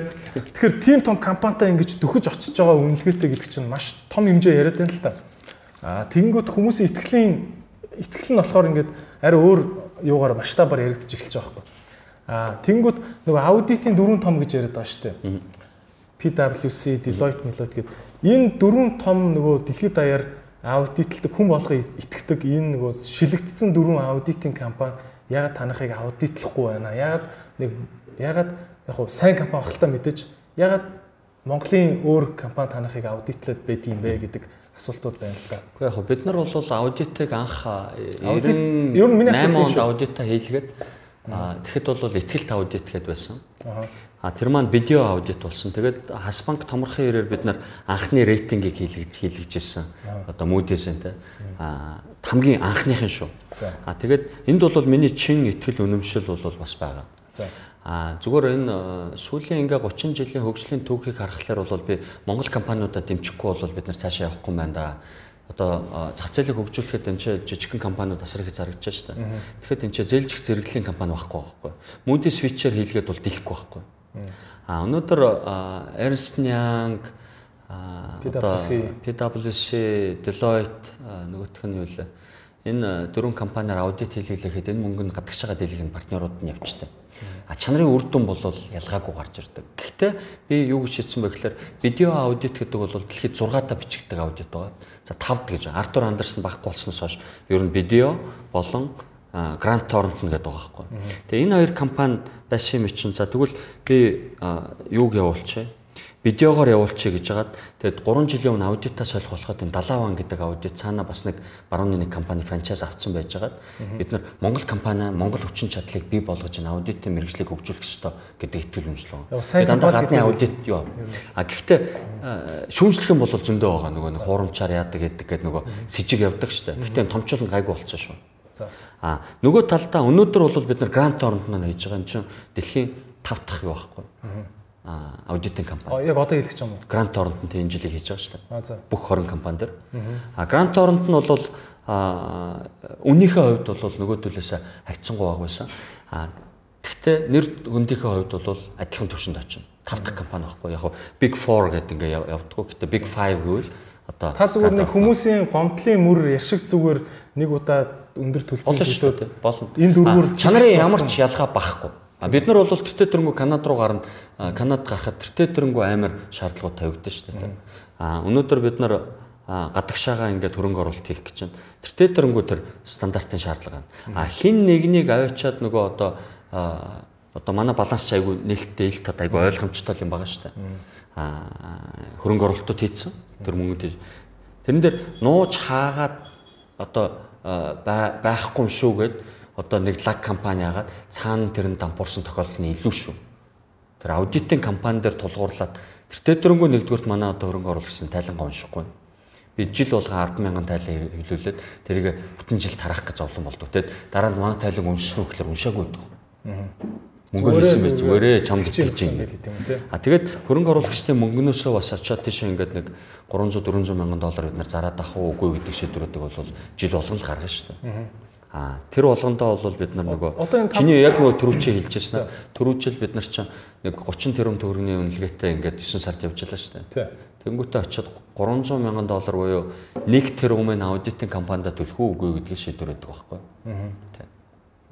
Та бол цэвэр зардлаас нь бол дөрвөн томоор аудлитлуулахгүй. Үгүй цэвэр биш. Би түрүүний хэлснээр бол би Монгол компаниуд а, хинээс дутахгүйгээр хийж сурах шүү дээ. Одоо А таны Монгол дотоод хүчин чадал бий болох шүү дээ.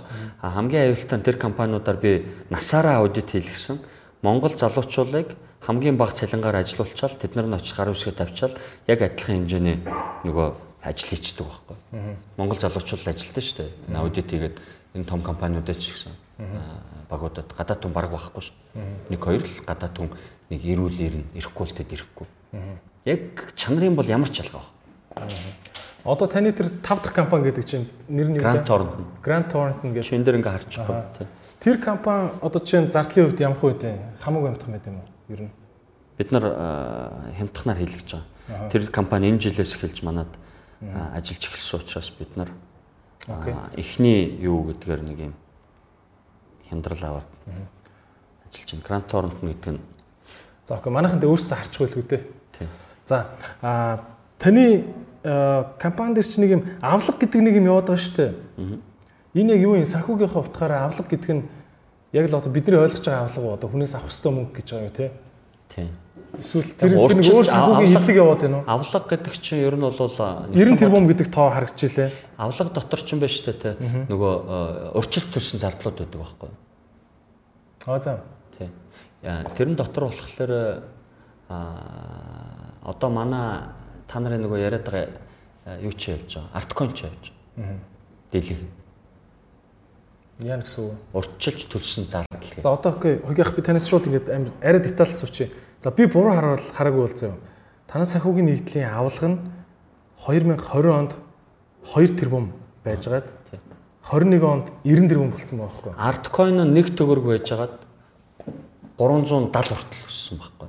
Тэнгүүт бид нар 100-аар үнэлэл 900 а, сая ширхэг арткойн 100-аар үржүүлэл тавьсан байхгүй. 100-аар. Одоо 200 байгаа шүү. Тэгвэл энэ 90 тэрбум чи ерөөсө тэр чигээрэл баг Арткойн зүгээр л арткойн тий. За тэгвэл тэр авлага гэдэг нь хинээс яаж авна гэсэн үг юм? Жог ойлгохгүй байна л та. Бүртгэл ойлгодог хүмүүс л ойлгоно л та. Би өөрөө нөгөө Монгол банк хөрөнгөний бирж тэгээ нөгөө банк цанк удирцаараад одоо барагтаа нэгтлэн бодогч аудитороос илүү аудитор болсон. Аа барагтаа хулчтаас илүү хуульч болсон. Гэрээний хууль, иргэний хууль, банкны хууль, арилжаа компани үндэс засны хууль. А тэгэхээр бол авлагчин өөрөө нөгөө урьдчилж төлсөн зардлаа бид нар авлага гэж бүртгэж болдог байхгүй. А тэгэхээр арткойныг манай балансан дээр яаж харж болох вэ гэхээр ирээдүйд ирээдүйд тарах гэж байгаа Аа. зардлуулах гэж байгаа арткойноо бид нар авцсан байна гэж харуулж байгаа байхгүй. Ойлгоо. Аа. Хинээс Тэгэхээр ирээдүйд зардал гарахгүй болчихж байгаа биз? Тийм. Гэхдээ гол нь хин нь хинээс авсан байна. Гэхдээ чи авсан гэдэг юм чи миний үг сайн сонслоо. Одоо бид нар ирээдүйд гарах зардлаа За. За. Одоо хөрөнгө оруулаад урьдчилж төлсөн зардал гэдэг авлагын дансан дээр бүртгэгдсэн байна. Урьдчилж төлсөн зардал гэдэг нь prepaid expenses гэдэг олон улсын бүртгэлээр байдаг авлагын данс байдаг байхгүй. Авлага гэхэлэр авлага биш шүү. Ирээдүгээс аавна гэсэн үг байхгүй. А тэр нь юу вэ гэхэлэр би дараачийн 20 жилд төлөх бүх арткойны урамшууллын зардлаа эмчээ бүртгэгдсэн байна гэсэн үг. Тэгээ авлага гэ бүртгэж за. ирээдүгээс Тэгвэл баг авлага гэдэг үг нь толгой ирүүлээд байгаа. Баг чиглэл ойлголт. ирээдүгээс авах ашиг юм шүү. ирээдүгээс авах авлага үгүй. Урьдчилан төлсөн зардал. Арткойныг бид нар үнгүү тараадаг шүү дээ. Тэгэхээр чин тараана гэдэг чин зардал үстэй. Тий. Одоо урамшууллын оноо чин номон дээр бол зардал үстэй. Тий. Яг тэгэхээр тэр хүн дараа нь хурж ирээд 100 төгрөгийн үнэтэй юм 80 төгрөгөөр аваа Авч явчихж шүү дээ. Тэгвэл 20 төгрөгийг яаж өртөх вэ? Зардал гэж өртөх юм шүү дээ. Тэг. Тухайн үед нь. А би урьдчилаа зардлага өртөгцсөн баг. Тэгэхээр одоо ингээд тараагаад явхад манай авлага буурал явах баг. А гэхдээ бурахгүй л дээ. Арткойны үнч Баг юу юм шүү. За би зүгээр мэдээж нэг махчилж юу болох гал байгаа шүү дээ. Мэдээж мэрэгжлийн яриа бол хэцүү. Аа баг зардал юм шүү тий. урьдчилж төлсөн зардал. Тийм үү тий. Зардал юм тий. хөрөнгө оруулалт. Чи актив талдаа биш үү? Тэн чи баланс чи өөрөө ингээд актив, пассив тэгээд эндээ актив дээр одоо юм нэмэх тэгэхээр дебет гүйлгээ хийгдээд пассив дээр нэмэх гүйлгээ хийгдээд кредит гүйлгээ хийгдээд ингээ явагддаг байхгүй. А тэгээд эн чин дандаа тэнцүү явдаг. А тэгээд нөгөө талд нь бол өөрийн хөрөнгө гэдэг эн чин ингээ байж байгаа. А тэнгүүт өнөөдөр ашиг бол өөрийн хөрөнгө дээр ордог. А өглөг болон одоо хадгаламж бонд гэдэг юм бол бүгд энэ өглөг дээр ордог. Одоо пассив талдаа. Актив талд болохоор мөнгө, хөрөнгө оруулалт, зээл тэгээд бусад одоо авлагууд болон урьдчилж төлсөн зардлууд ордог байхгүй. А тэгэхээр урьдчилж төлсөн татвар хаана орох вэ? Чи одоо нэг хичээл би нөө ард академи ажиллаж байна. Урьдчилж төлсөн татвар а, балансын айлталт орох вэ? Аа пассив пассив яг нь өглөг учраас юу э, юу худлаа урьдчилт төрсэн татвар би худлаа ярьж шүү. Нөгөө хэрэгжээгүй ашиг дээр ногдсон татварыг хэлж байгаа. Би сая э, нөгөө өөр юм бодож байгаа. Тэгэхээр а, урьдчилт төрсэн татвар ч гэсэн адилхан активд ороод хөрөнгө болол явчих шүү. Ирээдүйн зардлаас асгчихж байгаа юм чинь. А хэрэгжээгүй ашиг дээр оногдох татварыг taxes on unrealized gains болохоор тэр нь пассив дээр явдаг байхгүй. Тэр нь нөгөө Warren Buffett-ийн ашигладаг гол зэвсэг байдаг байхгүй. Тэр татвар манер хизээч тэр хөрөнгө оруулалтуудаа зарахгүй юм чинь хизээч ашигаа хэрэгжүүлэхгүй гэсэн үг байхгүй. Одоо би Монгол шуудан дээр манай хөрөнгө оруулалт 17 тэрбум байснаа өнөөдөр. Аа 35 тэрбум төгрөг болчихлоо шүү дээ. Тэнгүүт би тэр нэг 17-оос 35 хүртэлх энэ 18 тэрбум төгрөгөн дээр татвар ногдох шүү дээ. Ашиг хийчих юм шиг. Тэрийгэ татвараа тооцчоод хэрэгжүүлээгүй ашиг дээр оногдсон татвар учраас би өглөг дээр бүртгэждэг байхгүй. Татвар төлөгдөхгүй гэсэн үг. төлөгдөхгүй юмыг өгнө гэж бичиж байгаа юм тийм. Өгнө гэж бичиж байгаа. Тэгэхээр баланс чи ингээд өөрөө инфляци өгдөждөг байхгүй. Тэгээд нөгөө э, чи нөгөө зөвлөхөдтэйг нийлж байгаад яасан асуулт чи урчлаа хариулж. Пассив талд нь яагаад тийм байд юм. Айгүйх ба. За энэ дээр толгой иргэсэн хүмүүсээ дахиж үзээ. Ард академи гэдэг бид нар ажилуулдаг. Ард академи бол нөгөө Facebook дээр байнга лайв явуулж байгаа. Тэгээ бид нар анхан шатных дээр л яваад байгаа. Хөрөнгө оруулалт хийхэд яг юу юун дээр анхаарч хийх вэ гэдэг. Аа цаашлаад ингээд бид нар бол яг бүртгэл рүү аа тэгээд аа энэ нарийн мэрэгжлийн юмнууд руу тэ чиний тэр шинжилгээ гэдээ яриад байгаа юм руу орно. Аа манай нөгөө хөөс судлаачдын аа, тийм өнгөц байдлаар асуудалд ердөөсөө хандахгүй. Тэгээд энийг системтэйгээр ингээ явуулна. Харин хипокарцаг чинь би нөгөө боловсролыг ингээд нөгөө та хэд маань тэтгээд байгаа учраас ер нь зүгээр зөвхөн ингээ хөлс хэл сурах биш. Тэр хэлэн дээрээ бас жоохон агуулга оруулаад ард академи дээр хамтраад аа, цээжилсэн аа, үг болгон дээр нь арткойны урамшуул хийгээд ингээд Тийм маш яриад байгаа шүү те. Би одоо чамд чи 3 жил санал болгож Манай Арткойн нэмчихээ. бодоол бэлэн болж байна. бодлоо. Чи энийг ингэтгэе гэл тэгэл э, яриад байгаа шүү дээ. Тэгэл оруулъя гэд. За окей. Аа гоё юмнууд энд- эндээс гарах бах. Би уг нь амар чимээгүй байж чад гоё зарлая гэж үзсэн. Аа за манай Hippocards application ерөөхдөө гараад жил гарan болж байна одоо яг. Гараад аа айгу гоё ихнээсээ үр дүнгууд харагдаж байна. Тэгээд удахгүй гоё юм зарлаа бас. Сая Archop-то нэрээ хамтарч яасан байгаа шүү. Манай бүх бэлгийн картууд харагдсан байгаа. Монгол шуудангаар хөргөх юм биш. Тийм, Монгол шуудаар хүрэгдсэн. Аюу сайн хүрэгдсэн. Ер нь бол манай бүх бэлгийн картны нийт борлуулалтын талаас илүүг арчоп хийсэн. Аюу олон газруудаар зарсан. Тэгээд Шөө би тэгвэл нэг ялсандаа. зарсан. Ер нь дийлийнхийн зардаг болгоно. Аа зардаг байсан. Тэгээ ер нь бол хамтрал гоё явсан шүү тэн дээр за. болж байна. Баярлалаа. За. Ямарч нөө ярьсан ажлаа явуулж байгаа шүү. явсан гэдгийг нохоо хэлж шүү. яс цунаа гэдэг чинь чухал тийм. За юу вэ? Аа таны аа энэ coin art coin гэдэг байгаа юм те та 5 тэрбум гэж зуун үү? зэрэг. 5 тэрбум. Энэ одоо яг хаанаас энэ 5 тэрбум юм гараад ирв те? Одоо би ойлгох нь ингэж ойлгосон шүү дээ. Аа биткойн гэдэг юмыг хятадч баахан компьютер асааж одоо майн хийнэ гэж яриад байгаа те. Уурхаа дээр дижитал уурхаа дээр ингэж код уншуулж бөөн тог зарцуулж тогны мөнгнөөсөө мөнгөн дээрээ жинхэнэ одоо мөнгөө гарцтаад карманыхаа мөнгийг гарцтаад оронд нь тийм кодон мөнгө ухаж авахыг л биткойн гэж яриад байгаа гэж байна да. Тэгэд үн цэн нь болохоор миний ойлгосноор бол тэр хүн чинь одоо тэгэл үнэхээр тогоо зараад баахан компьютер ажиллуулад зардал гаргацсан юм чинь тэр уншуулж байгаа нэг хизээш давтагдчихгүй айхтар код тон нэг үн цэнтэй байх ёстой шүү дээ зөрүүл.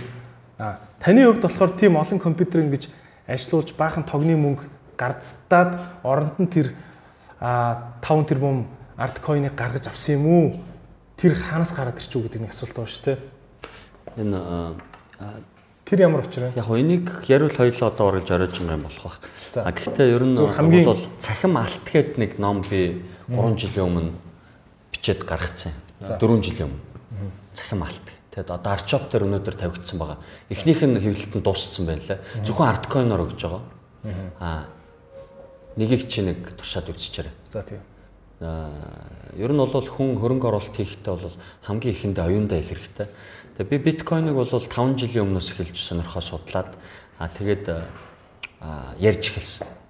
Аа тэгээд крипто үндэстэн гэдэг чуулга уулзалт хөрөнгө оруулагч үндэстэн гэдэг чуулга уулзалтан дээр бол асар их ярьсан юм чиглэлээр бүр гадны мэрэгжлийн хүмүүсийг авчирж байгаад бид нар бол Таныг ярьсан ч гэсэн нэг асуул идэм бил шүү. дээ. Би бол баахан асуулт. А ер нь бол хүмүүс бол крипто үндэстэн төрөнгө оруулалт хийсэн, итгэсэн, ойлгосон хүмүүс зөндөө байсан. А намайг ярьж эхлэхэд хамгийн гайхшралтай нь монголчууд амар сайн судлаад хийдэг болцсон байсан юм байлээ. Гэхдээ монголчууд бид нарт биш тэ нэг хуучны нэг юм муу зам байна. Юу гэхээр юм ингээд мэдчихвэл өө бусд нь мэдчихвэл энэ дуусчихна гэдэг юм нэг ховдог сэтгэл байд юм байна. Нөгөө дандаа нэг тоогоноос хоол идэд тэр тоогоог төрүүлж олоод эдсэн хамгийн хийждэг тийм нэг сэтгэхүй яваадах шиг үл. А бид нар ийм том тогоо биш ингээд нуурнаас халбагдж байгаа гэдгийг ойлгочвол бид нар э, би биш өөр хүмүүсийн биткойныг ярих хэрэгтэй шин. Намайг ярьж эхлэхэд биш үү те. Бүр чи чи амар амар нөгөө олборлолт явуулдаг энэ биткойн цуглуулсан гарууд гарч ирсэн шүү дээ. Тэгэхээр энэ сэтгэлгээнээс энэ э, одоо залууч бол чиний үеийн чиний доотх үеийн залууч бол салж хэрэгтэй байна. Бид нар хуваалцаж sharing economy гэж яриад байгаа одоо. Мэдсэн бол гяс цацдаг тийм. тий цацаад нийтээрээ нийгмээрээ цөмөрө баяжаа, цөмөрө хожоо. Монгол улс дотроо өрсөлдөхгүй. Цөмөрө бусад улсуудтай өрсөлдөж байгаа гэдгээ сандаг байх хэрэгтэй. Тэгэд монголчууд бие нэгэ дандаа хайрлах хэрэгтэй. Бид нар цөөхүлээгээд байдаг тэгс мөртлөө бие нэгэ дандаа балтдаг байхгүй. Тийм тийм. Тэгээд нэг дэшээ жоохон гараад ирэх гингүүд өнгнөөс чангаадаг. Одоо миний жишээн дээр ингээд айгүй олон чангаас биткойн гэж шоолол байсан, шоолол байсан. Тэгэл хөрөнгө оруулагч институт ингээд шоолол байсан. Тэгээ одоо болохоор яг нэг үр дүн гараад ирэнгүүт оо худлаа өстой хөөс наачаастай ингэж юм. Би хинт чи амьдралаа зориулсан юм чи юу гэж хөөс үүд юм бэ тэр. Тийм үстэй. Чи намайг одоо мэдэн штэ гадарлан та. Би э, хэлээл байгаа штэ. Би ганцаараа байчих байсан бол аль дээр баяжчихсан баг. Би тэгтээ баян л та. Тэгтээ э, баяжчих байсан. Гэхдээ би тэгмээргүй байна. Миний хүүхдүүд энэ дунд тас энэ нийгэм дотроос авгаагаа олж байгаа. Тэр хүүхдүүд нь айгүй ятайхан боловсралтай сайхан хүмүүжлэлтэй айлын хүүхдүүд байгаасаа гэж би хүсэж байдаг. Бүр багаасаа хүүхдгүү ийм олон хүүхдтэй болохоос өмнө. Тэгээ энийг ингээд яриад байдаг хин ч сонсоогүй байж одоо болохоор хөөс хөөс энэ юу ингээ ингээ тэгж болохгүй. За нөгөө талдаа болохоор биткойн гэдэг чинь бол блокчейн смарт контракт. Аха. А ердөөсөө 21 сая ширхэг үйлдвэрлэгдэнэ. Эргэлтэнд бол нэг 14 тэрбум сая л явах. Тэн дээр би чин сэтгэлээс монголчууд хамгийн их эзэмшижээсэ гэдээ уриалсан. Зарим дагсан. Тэгээд өнөөдөр бид нар тэр зорилгоо төлөө л явж байгаа. Энэ бол цахим алт. А энэний цаана бол одоо алткойнууд гэж байдаг. Алткойнууд. Алткойн гэдэг нь болохоор alternative coins. Тэрэн дотор нь Ethereum гэдэг платформ байна. Таних тэрэн дээр суурилсан гэж байна. ERC 20 гэдэг смарт контрактын дээр суурлаад би арткойныг гаргасан. Мөнгөний төлж байгаа гаргуулсан. А арткойныг бол майнинг хийхгүй. Ethereum-ыг бол майнинг хийн. Тэгнь. А арткойныг бол майнинг хийхгүй 5.1 тэрбум ширхэг байгаа. тэрнийг бид нар бүгдийг эзэмшдэг. Дахиж олборлохгүй, дахиж үйлдвэрлэхгүй энэс Хинч компьютер асаагаад хинч устгах чадахгүй, хинч үржүүлж чадахгүй centralized token. А centralized гэдгийг бид нар бол ерөнхийдөө за за тэр устгадаг контрактыг болиулъя. А контрактаа одоо бид нар солино гэсэн үг. Устгадгийг болиулчихъя. А нэмдгийг бас болиулчихъя гэд бид нар white paper-аар сольсон. Яг гэвэл бид нар нөгөө дараагийнхаа ямиг удахгүй зарлана. Тэгэхээр таны арткойны цаана Ethereum байгаа гэсэн үг. Ethereum баг. А тэгэд Ethereum сүлжээн дээр явж байгаа учраас арткойныг наашин цаашин шилжүүлэхэд э, одоо Ether-аар Ether-аар төлбөр хийгдэнэ гэсэн үг. Нэг гүйлгээ хийхэд 14 доллар болоод байгаа учраас бид нар наадам хүртэл хинч битгий гүйлгээ яах юм Монголоос 14 доллар ийм үнэтэй гүйлгээ хийлгээд зөвхөн өөрийнхөө дотор систем дотроо байж. Ethereum-ийг хийсэн нөхдүүд рүү гүйлгээний шимтгэл урсаад байгаа гэсэн үг. Тий. Тэр нөө майнерууд ч орсон орно гэсэн үг байхгүй. А тэрийг би болиулсан хаацсан баг. Тэгэхээр одоо яаж бүх хооронд чөлөөтэй хөрвүүлдэг байсан. Одоо сая 11 сараас эхлээ хаацсан баг. За. А зөвхөн одоо энэ арт экосистем дотор энэ токен хэлбэрээр одоо биеиндээ шилжүүлж болно. А яагаад би тэрийг ингээд одоо stakes руу шилжүүлж болох уу, trade руу шилжүүлж болох уу, эсвэл бол одоо нөгөө decentralized exchange гэдэг нэг ойлголт гараад ирсэн. Тэр нь decentralized finance гэдгийг нэг ойлголт байна. Төвлөрсөн бус санхүүжил. Банкуд байхгүй болно, биржүүд байхгүй болно. Брокеринг компаниуд байхгүй болсон. За.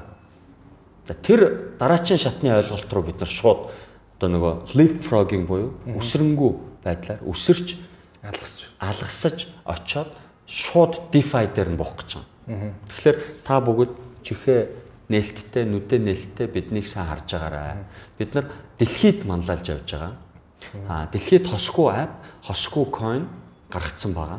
Аа өнөөдөр бол бид нар нөгөө олон улсад зарлах, олон улсад хүргэх эхний ээлжинд Монголд туурахтан тарч суурсан монголчууд өнөөдөр гадаадад байгаа монголчуудад хүргэх ажлыг одоо ингээ эхлүүлээд тэгээд наадам гэхэд бол дэлхийд зарлах төлөвлөгөөгөө бол боловсруулсан хийж эхэлж байна. Гадны агентлаг компаниуд бол хөсөлгдөд ажиллаа эхэлсэн байна. Тэгээ энийг л хэлж болж байна. А цаашаа бол хэлэхэд бол жоох хэцүү. За тэгвэл нэг би дахиад юм тодруулчих. Энэ нэг токен гэж нэг яриад байгаа. Нэг бол coin гэж яриад байгаа тий. А art coin яг токен юм уу? Coin юм уу? Art coin ч бол нөгөө нэр нь art coin байхгүй alt coin. Одоо монголоор бол алтан coin. Alt coin. Alt coin гэдэг нь биткойноос өөр бусад бүх крипто валютыг хэлж байгаа. Биткойн тэгээд альткойн гэж байдаг байхгүй. Альткойн бол крипто валют буюу альткойн.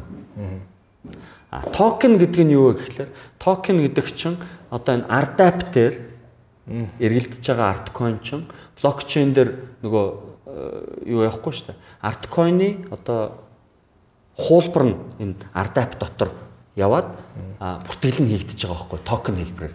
А өөрөөр хэлбэл Ethereum-ийн Ethereum-ийн нөхдүүдэд Ethereum руу гадагшаа мөнгө урсахгүй тулд дотор нь бүртгэлийн та ингээд токеноор хийгээд тийм. Тэгээд хүн блокчейн тийм. А бид нар болохоор 7 сард нөгөө энэ Ethereum 721 гэх протокол гараад ирнэ. Тэр нь хамаагүй хямдарч байгаа. А бид нар өнөөдөр Binance Smart Chain руу шилжүүлчих болж байгаа.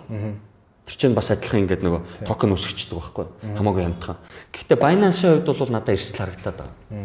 Би бол өөрөө нөгөө албан ёсны тусгай зөвшөөрлөлттэй компани учраас хин нэгэн хойд солонгос нөхөр ч юм уу Иран нөхөр ч юм уу нэг танк оруулаад нэг амтныг дэлглээ хийчихвэл манай төслийг хаачаа штэ.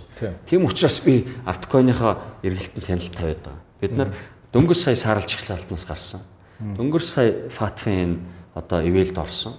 А тэгвэл бид нар хамгийн найдвартай Европын холбооны FEMA-гийн одоо зөвшөөрлөлтөй тийм бирж дээр гаргана. Одоо тэр нь Stex тэр нь гэхдээ жижиг юм л.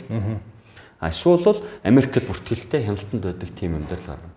Нөгөө compliance KYC AML хийдэг газруудаар орохгүй бол артcoin-ыг аваад цуглуулж агаад нэг нөхөр ганцхан одоо дрон худалдаж аваад нөгөө газын зурвасаас Израилийн зүг рүү нэг дрон нисч очоод ингээ юм явуучвал бид нар будаалах байхгүй. Гүйлгээ нь арткойноор хийгдсэн байна. А тэгэхээр тэр утгаараа бол бид нар энэ арткойныхаа гүйлгээ нь асар том хяналт тавьж байгаа. Тэгээ зөвхөн стекстэй бүртгэлтэй байгаа.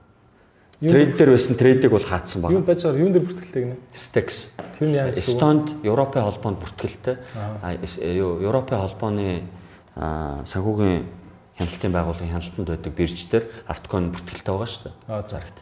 Тэгэхээр ер нь бол баг Монголын мөнгө биш э, Эстоны бирж дээр хяналттай мөнгө гэсэн үг юм уу те? Үгүй. Монгол Одоо Монголын төгрөг гэж зүгээр нэг жоохныг л хүмүүс бид нар туршилтыг 2 жилийн өмнө тэнд авчиад арилжаанд оруулсан байхгүй. Одоо Эстоны бирж дээр авчиад тавьсан гэсэн үг байхгүй. Stex.com гэдэг дээр. Чаг ороод үзчихье. А таны нөгөө юу дээ. Саяхан та нэг юм скриншот тавингуудаа арткойныг арткойныг баг гадаадууд аваад эхэлсэн юм уу те? Бага шүү. тэгж. Stex дээр байна. А тэгээд нөгөө блокчейн дээр аваад эхэлсэн шүү дээ. Decentralized exchange буюу Uniswap гэдэг бирж дээр аваад эхэлсэн байгаа. Энэ дээр эн чинь гүйлгээнүүд ингээ харчиж болж байгаа. Хичнээн одоо хичнээн арткойныг гадных авсан байна. Тэр тоо байна уу? Баримжаа. Оо энэ сандал маань доош Одоо бол ер нь нэг маш бага байгаа. Аха. 200 тал маш бага байгаа. Тэр Stex дээр ч Ямар хүн хүмүүс- блокчейн дээрээс харчиж болно биш Одоо чинь ямар хүмүүс Монголын одоо Монгол гэхэр чинь бол одоо жишээ нь Европчуудын хувьд ч юм уу айгүй хол сонсогч Энэ. Etherscan гэдэг энэ нөгөө Ethereum-ийн э, юу чи энэ шүү дээ платформ. Одоо 451 сая доллар буюу одоо юу гэдэг нэг их 80 Аха. а, хэд байгаа шүү дээ. Тэгэд манай үнэлгээ өндөр байна уу бага байна уу ч өөрөө бодохгүй. Энийний тал нь манад байгаа гэж. Тийм. Та тэгвэл Ethereum-д хэдийг төлсөн? Анх ингэж энэ 5 Ethereum төлөхгүй шүү дээ. Би зүгээр смарт контрактаа бичил тэгэл тэр бичихэд программистуудаа л мөнгө төлөө шүү. Оо зөө зөө. зөө. А ер нь бол би зардлаа а бизнесийн нууц гэж харж байгаа. Окей. Энэ энийг хэлэхэд гарах. Тэгвэл одоо ингээд арткойны хүмүүс янз миний бүр нөгөө утсыг авдар. би энэсээ худалдаж авсан баа штэ. Арткойныг би энэсээ худалдаж аваад ер нь арткойныг тойроод хичнээн одоо яг төгрөг энэ систем рүү ороод ирсэн хэрэгэлдэж байгаа бай. Одоо Одоо манай DAX дээр гэх юм уу? DAX дээр бол DAX дээр хэдэн төгрөг орж хэрэгэлтэй дээ. нийтдээ биш үү те. А арилжаанд бол Койно биендээ зараал байгаа шүү дээ. 600 мянган орсон. Арилжаанд. 600 мянган. Тэгэхээр танд ирж байгаа танд ч явахдаа одоо танай компанид ирж байгаа ашиг нь би энэ юм болов байхгүй. Зөвхөн тэр гүйлгээний шимтгэл л байт юм уу? Бид нар чи coin бол өнгөө тарааж байгаа шүү дээ. Тий. А манад яаж ашигт орж ирж байгааг бол DAX дээр нөгөө зарж байгаа авж байгаа нэг нэг хувийг өгж байгаа байхгүй. А тэр нь болохоор нэг 100-аас 500 сая төгрөг өдөртөө ашиг болж орж ирдэг байхгүй. Тийм л үү? Окей. А coin бол цэвэр нөгөө манай DAX а, одоо даатгалын кредитийн лайфын бизнесийг дэмжиж тэд нар нь мангар өсөд байгаа тэрнгээр л дэмжигдэж байгаа. Хүн coin авахын тулд манай даатгалаа хийлгээд манахаас зээл аваад манай кредит картыг аваад манай хувьцааг аваад байгаа. Тэрнгээр нь л манай ашиг хэмжигдэж байгаа байхгүй. Тийм ээ. А тэрнээс биш яг coin дээр нь бол та наашин цаашин зарж ямар ч ашиг их Тэгээ би бол хоёдоо бол coin-оор нөгөө би одоо дэлхийд дээр хамгийн их арт coin барьж байгаа юм. А тэрнгээр би асар их ашиг хийнэ. Одоо нэг үнэлгээгээр нь. Тийм. А А тэр утгаараа нөгөө яриад байсан нөгөө зориогүй гэдэг юм а хийцэн гэсэн үг. Аа. Юу ихлээр нөгөө аа, уг нь Уг нь те тийм тэгсэн мөртөө тийм болцсон. Аа. Эсэ. Танаа ер нь нийт энэ 5 тэрбум арткойны яг хэдийн та болон таны компани захирлууд нийлээд барьж байна. 2.5 тэрбум төгрөг. Компаниуд, манай компаниуд, манай хүмүүс Компаниуд болон танаа захирлууд чинь тий. 2.5 тэрбум талент. Энэ хүмүүс одоо жишээ нь нэг захирал чинь би гів гинтхэн а 100 сая койно зармаар байна гэд зарчвал Бах боломжгүй. тэр яг боломжгүй лээ. Лок тавьсан байна. Аа. Одоо 7 сарын 1-ний хүртэл те. 7 сарын хүртэл гэсэн үг. Аа. Таны юг харч. Энэ нөгөө Ethereum гэдэг энэ протокол чинь ч байгаа байхгүй. Тий. Би энийг ингээд хөдлөж нутсан дээр нэг сайн хөдлөж чадхал болчиход байгаа юм да. Энэ уг нь ингээд хөдлөх хэрэгтэй дээ. Тана white paper гэсэн үг шүү дээ тий. Гэхдээ white paper шин чи Ethereum манай хаяг энэ байж байна. Аа тэгээд Altcoin чи энэ байж байна. 5 тэрбум 158 308 мянган ширхэг Artex энэ тог би зохиоцсон. Аа тэгээд 9 центтэй явж байна доллараар. Тэгээд 475 сая доллар байна. Буюу одоо а, 1.5 их 80 төгрөг. Энэ Энэ болохоор fully diluted market cap шүү. А 475 энэ бол дээдлэлтаа 780 хүрч байсан. Одоо сая нэг 2 3 7 хоног юм. наа чи үнэлгээ гэсэн үг бүр яг орцсон байгаа мөнгө гэсэн үг? Үнэлгээ нь үнэлгээ. Нь үстэй, үнэлгээ. Наа 5 тэрбум Одоо зарагч байгаа зарагч байгаа бодиттой үнэлгээ л энэ л багхгүй. Аа тийм. Тэнгүүтээ transfers. Наа чи бол хөдлөл явах юм биш үү дээш доошоо. Биш.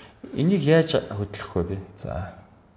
За уяа хоёлаа ингээ нөгөө зочд маань таны дэлгэцийг харахгүй байгаа учраас би ойлгосон ч гэсэн үзэж байгаа хүмүүс маань ойлгохгүй. Тэгэхээр хоёлаа шууд илүү ярилцлага based. Энэ Dex гэдэг энэ одоо trades гэдэг байгаас энэ дээр ингээд шууд зарагтаад байгаа байхгүй. Тэгэхээр би чам демо үзүүлэхэд бол ингээд хүмүүс шууд decentralized exchange дээр ингээд яваад байгаа.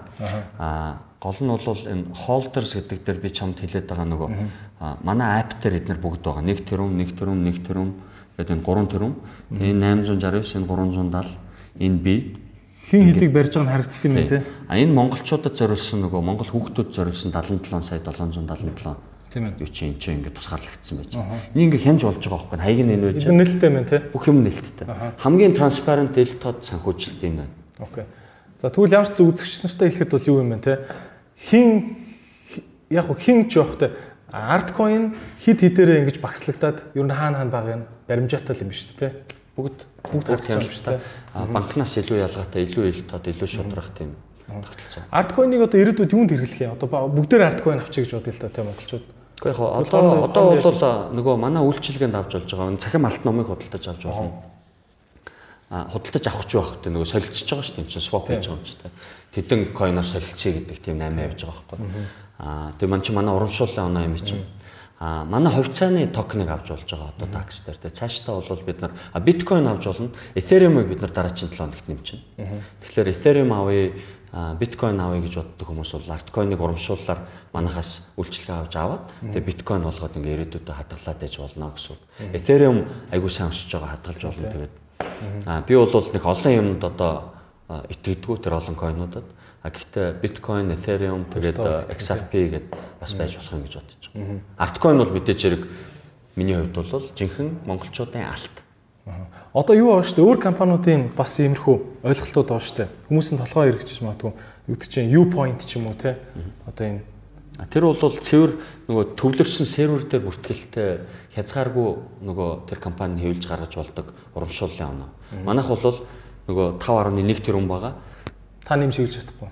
Тэгээ өгж өг- өгөөл бид нар сардаа буцааж худалдаж аваад дараагийнхаа хүмүүст өгдөг байхгүй. Тэгэхээр нөгөө бизнес кейс нь айгүй хөрөнгө оруулалт хийж болно гэдэг баталгаан тэр байхгүй. Манай компаниудын орлого.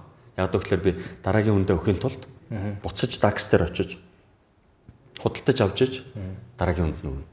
Одоо бол DAX дээр чинь артcoin-тэй хүн тэрийгэ зараа шууд төгрөг болгож болж байгаа юм тийм. Болно. Тэгээ хоорондоо байгаа шүү. Аха. За, юуны талаар та юу гэж бодож байна? Одоо нөгөө танаа найз биш үү Facebook-ийн Маркус Дэвид Маркус уу? тий? Маркус ахын одоо нөгөө Facebook-ийн чинь DM гэдэг. Libra тий, DM болсон тий. DM тий. Тэр- тэр юу болж байгаа юм Nove гэдэг wallet болоод DM гэдэг ассоциац болоод DM ассоциац нь DM гэдэг мөнгө гаргаж байгаа.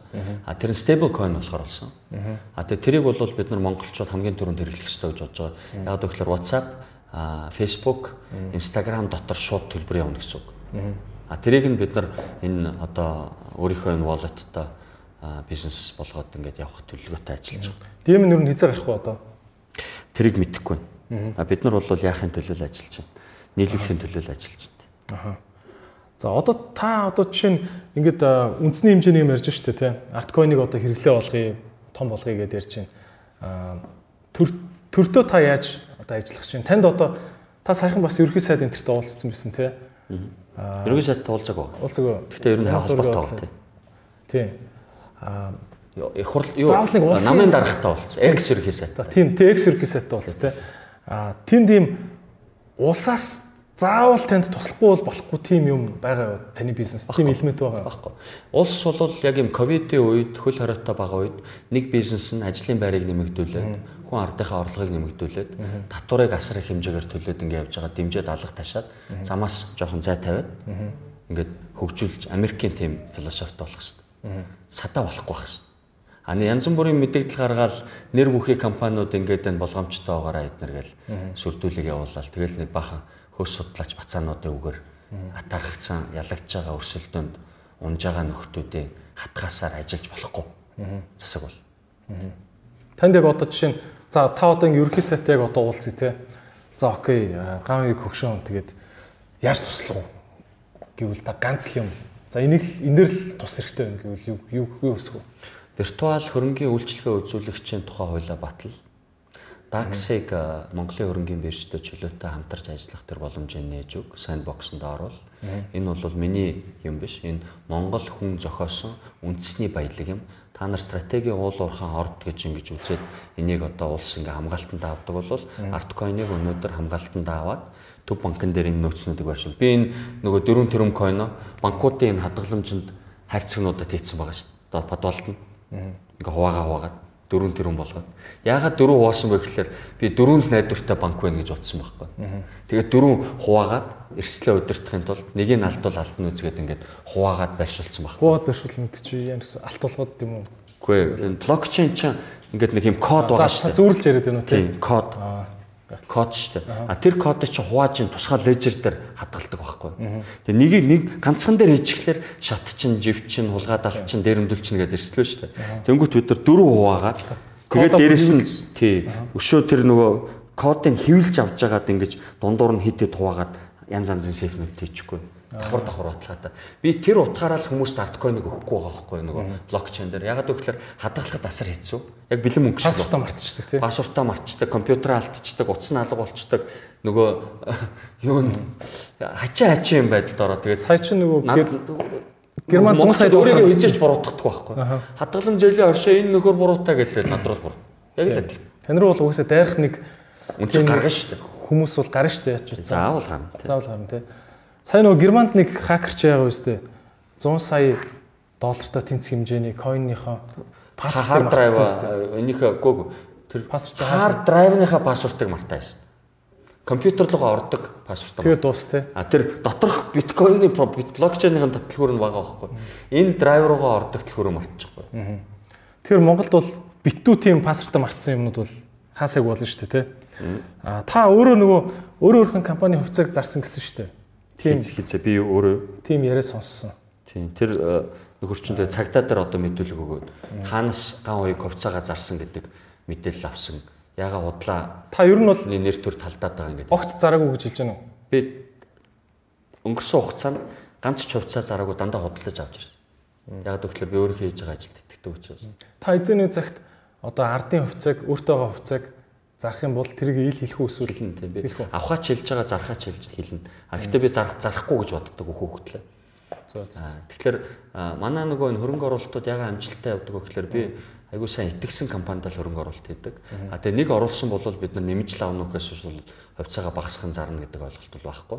А сая бол ард санхүүгийн нэгдэл түүний охин компаниуд өөртөө халаасалцсан байсан, өөрөө авцсан байсан хувьцаануудаа монголчуудад тараах ажиллагаа явуулсан. 3000-аар тараагаад тэр хүмүүс 12000 болсон байж надад одоо баярлаа гэдэг. Дээрээс нь би 3000 coin бэлгэлсэн шүү дээ. 3000-аар өгсөн шүү дээ ард санхүү нэгдлийн хувьцааг сарын өмнө. Аа, бачаараа ардын компаниудын хувьцааг ард санхүүгийн нэгдэл. Ээ, манай компаниудаас тараа гэдэг нь одоо би өөрийнхөө компани хувьцааг дандаа авдаг байсан байхгүй. Одоо ард санхүүгийн нэгдэл өөрөө өөрийнхөө хувьцааг зах зээл дээрээс аваад байдаг байсан байхгүй. А тэрийгээ сая монголчуудад нөгөө богд банк руу бид нөр хөрөнгө оруулалт хийнгээд Нэг хүнд дээдлэлт нь 3 сая төгрөгөнд авах боломжтой. 1 сая төгрөгөнд авах боломжтойгоор 3000 төгрөгөөр үнэлээд 333 ширхэг хувьцааг өгсөн байхгүй. Зарсан. Өөрийнхөө хувьцааг. Гэвч чинь тэг хувьцаагаа зарцсан л юм шүү. Би биш. Манай компани. Аа. Ган хуйг зараагүй шүү. Би нэг өөр Таны хувьдаа Тэг миний хувьцаа бол байдгаар. А манай компани өөрийнхөө хувьцааг аваад 3000-аар зараад тэр нь 7 хоногийн дотор 100000 төгрөг болсон байхгүй. А тэгэхээр би хүнийг хуурсан байна уу, олигдсон байна уу, манипуляц хийсэн байна уу? Эсвэл бол нөгөө өглөг буян хийсэн байна уу гэдээ бодож үзэхгүй. Тэгээ дээрэс нь 3000 coin өгсөн. Аа. Урамшуул гэдэг надад итгэсэн хүмүүс. Nice. Компани чинь өнөөдөр бид нар биш тэ яг тэр утгаар нь ингээ хараад үзвэл бид нар 20 орчим тэрбум төгрөгийн буян хийсэн шүү. Надад итгэсэн. 20 20 тэрбум төгрөг. Сая сүүлийн 2 сарын дотор ковидтай байгаа үед энэ хүн тэцүү үед улс орондоо ард иргэдтэй ингэж туссан өөр компани дэлхийд тийм баг хэд вэ? Аа. Окей. Ах нэлээ нэлээ ширэн байна те энэ дэр. Тэнгүүт нэг мангар уцаан гарч ирэнгүүт э, хөөс мөс гэдэг э, өөрөөр юм яхалар чинь жоохон дургуцаад нэг юм бичсэн байхгүй. За за. Окей. А юу ард санхүүгийн нэгдлийн хувьцааны нэлээ бас том хэсгийг танаа ихнэр эзэмшдэг те. Уянгаагч Тийм. Надаас илүү. Бараг 6.7% өгсөн мэт. Тийм. А тэр тэр яадаг вэ? энтэй холбоотой тань дээр хүмүүс ирдгүү ингээд танаа компани чаа мэрэгжлийн гэсэн чи яхаар ингээ ихнэр нөхөр хоёулаа сууж идэв юм уу. Тийм юм байдгүй. Гүү. Баггүй. Уянгаа ажиллаж байгаа, манай дүү ажиллаж байгаа, манай хүүхэд ажиллаж байгаа. Аа би болол яг хас дээр бахтаа ингээд нэг дүүгээ нэг ажилуулад тэгээд гаргачихжсэн. Тэгээд тэр буруу юм байна гэж ойлгосон. Аа тэгээд тууц дээр энэ асуудлаар яриад ер нь би та нар надад итгээд ингээд яаж байгаа бол би өөрөө итгэж байгаа хүмүүсэл эргэн тойронд ажилуулна. Аа тэгээд би санхүүгийн албан дээр дүг ажиллуулж исэн байхгүй. Би нөгөө шүн 50 унтахын тулд ингээд 100% итгэж болох хүндээ нөгөө данс мөнгөө бариулсан дээрээгээ тууцтай хэлээд тэр нөхдөө санал нийлэхгүйсэн. Тэгээ сүлд нь санал нийлсэн л да. Манай ч нөгөө гадаад нөхдөө тасрах байдаг шнэ. Тэгээд сая ингээд нөгөө Трамп гэдэг нэг нөхөр тэр чинь охиноо хүргэнэ хүүхдүүд тийм гэр бүл ороод ирэхээр л нэг сэжиг үсэл явчихсан. Тэгээд нөхдөө тэр чинь ингээд айгүй мундаг засаглал илтгэх байдал гээд Америкууд яадаг бэ? Сая 4 жил тэгэл ажиллаулчихж байгаа шүү дээ. Бид нарт айгүй гой гой юм яриад байдаг гэж. Тэгэхээр ийм hypocrisy гэж юм байдаг байхгүй. За. Тий. Бид нар тийм юмд ердөөсөө хариултыг айгүй дорн өгч сурах хэрэгтэй. Тэгэхээр би бол гадны үгээр явахгүй гэж бодож байгаа. За. Аа гадны best practice ямар байдгийг тэр нь надаа сонирхолтой. Би хэрэгтэйг нь аав. А тэгсэн мөртлөө өөрсдөө хийдэм байж бид нарыг хийлгүүлэхгүй байгаа бол бид тэрийг зөвшөөрөхгүй.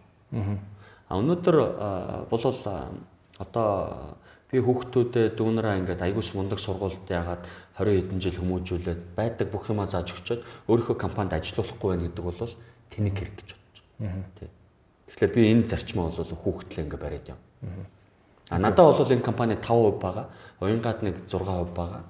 А манай хөрөнгө оруулалтын компаниар бол нэг 20% байгаа. А тэгээд бус нь бол 50 мянган хонд. Одоо би 50 мянга болсон шүү манай авцаа. Онд уусахад нөгөө 4000 байгаадсэн шүү дээ. Сая 50000 болсон. Одоо ингээ хараад байгаа за Facebook гэдэг ингээ дэлхийн том байна те.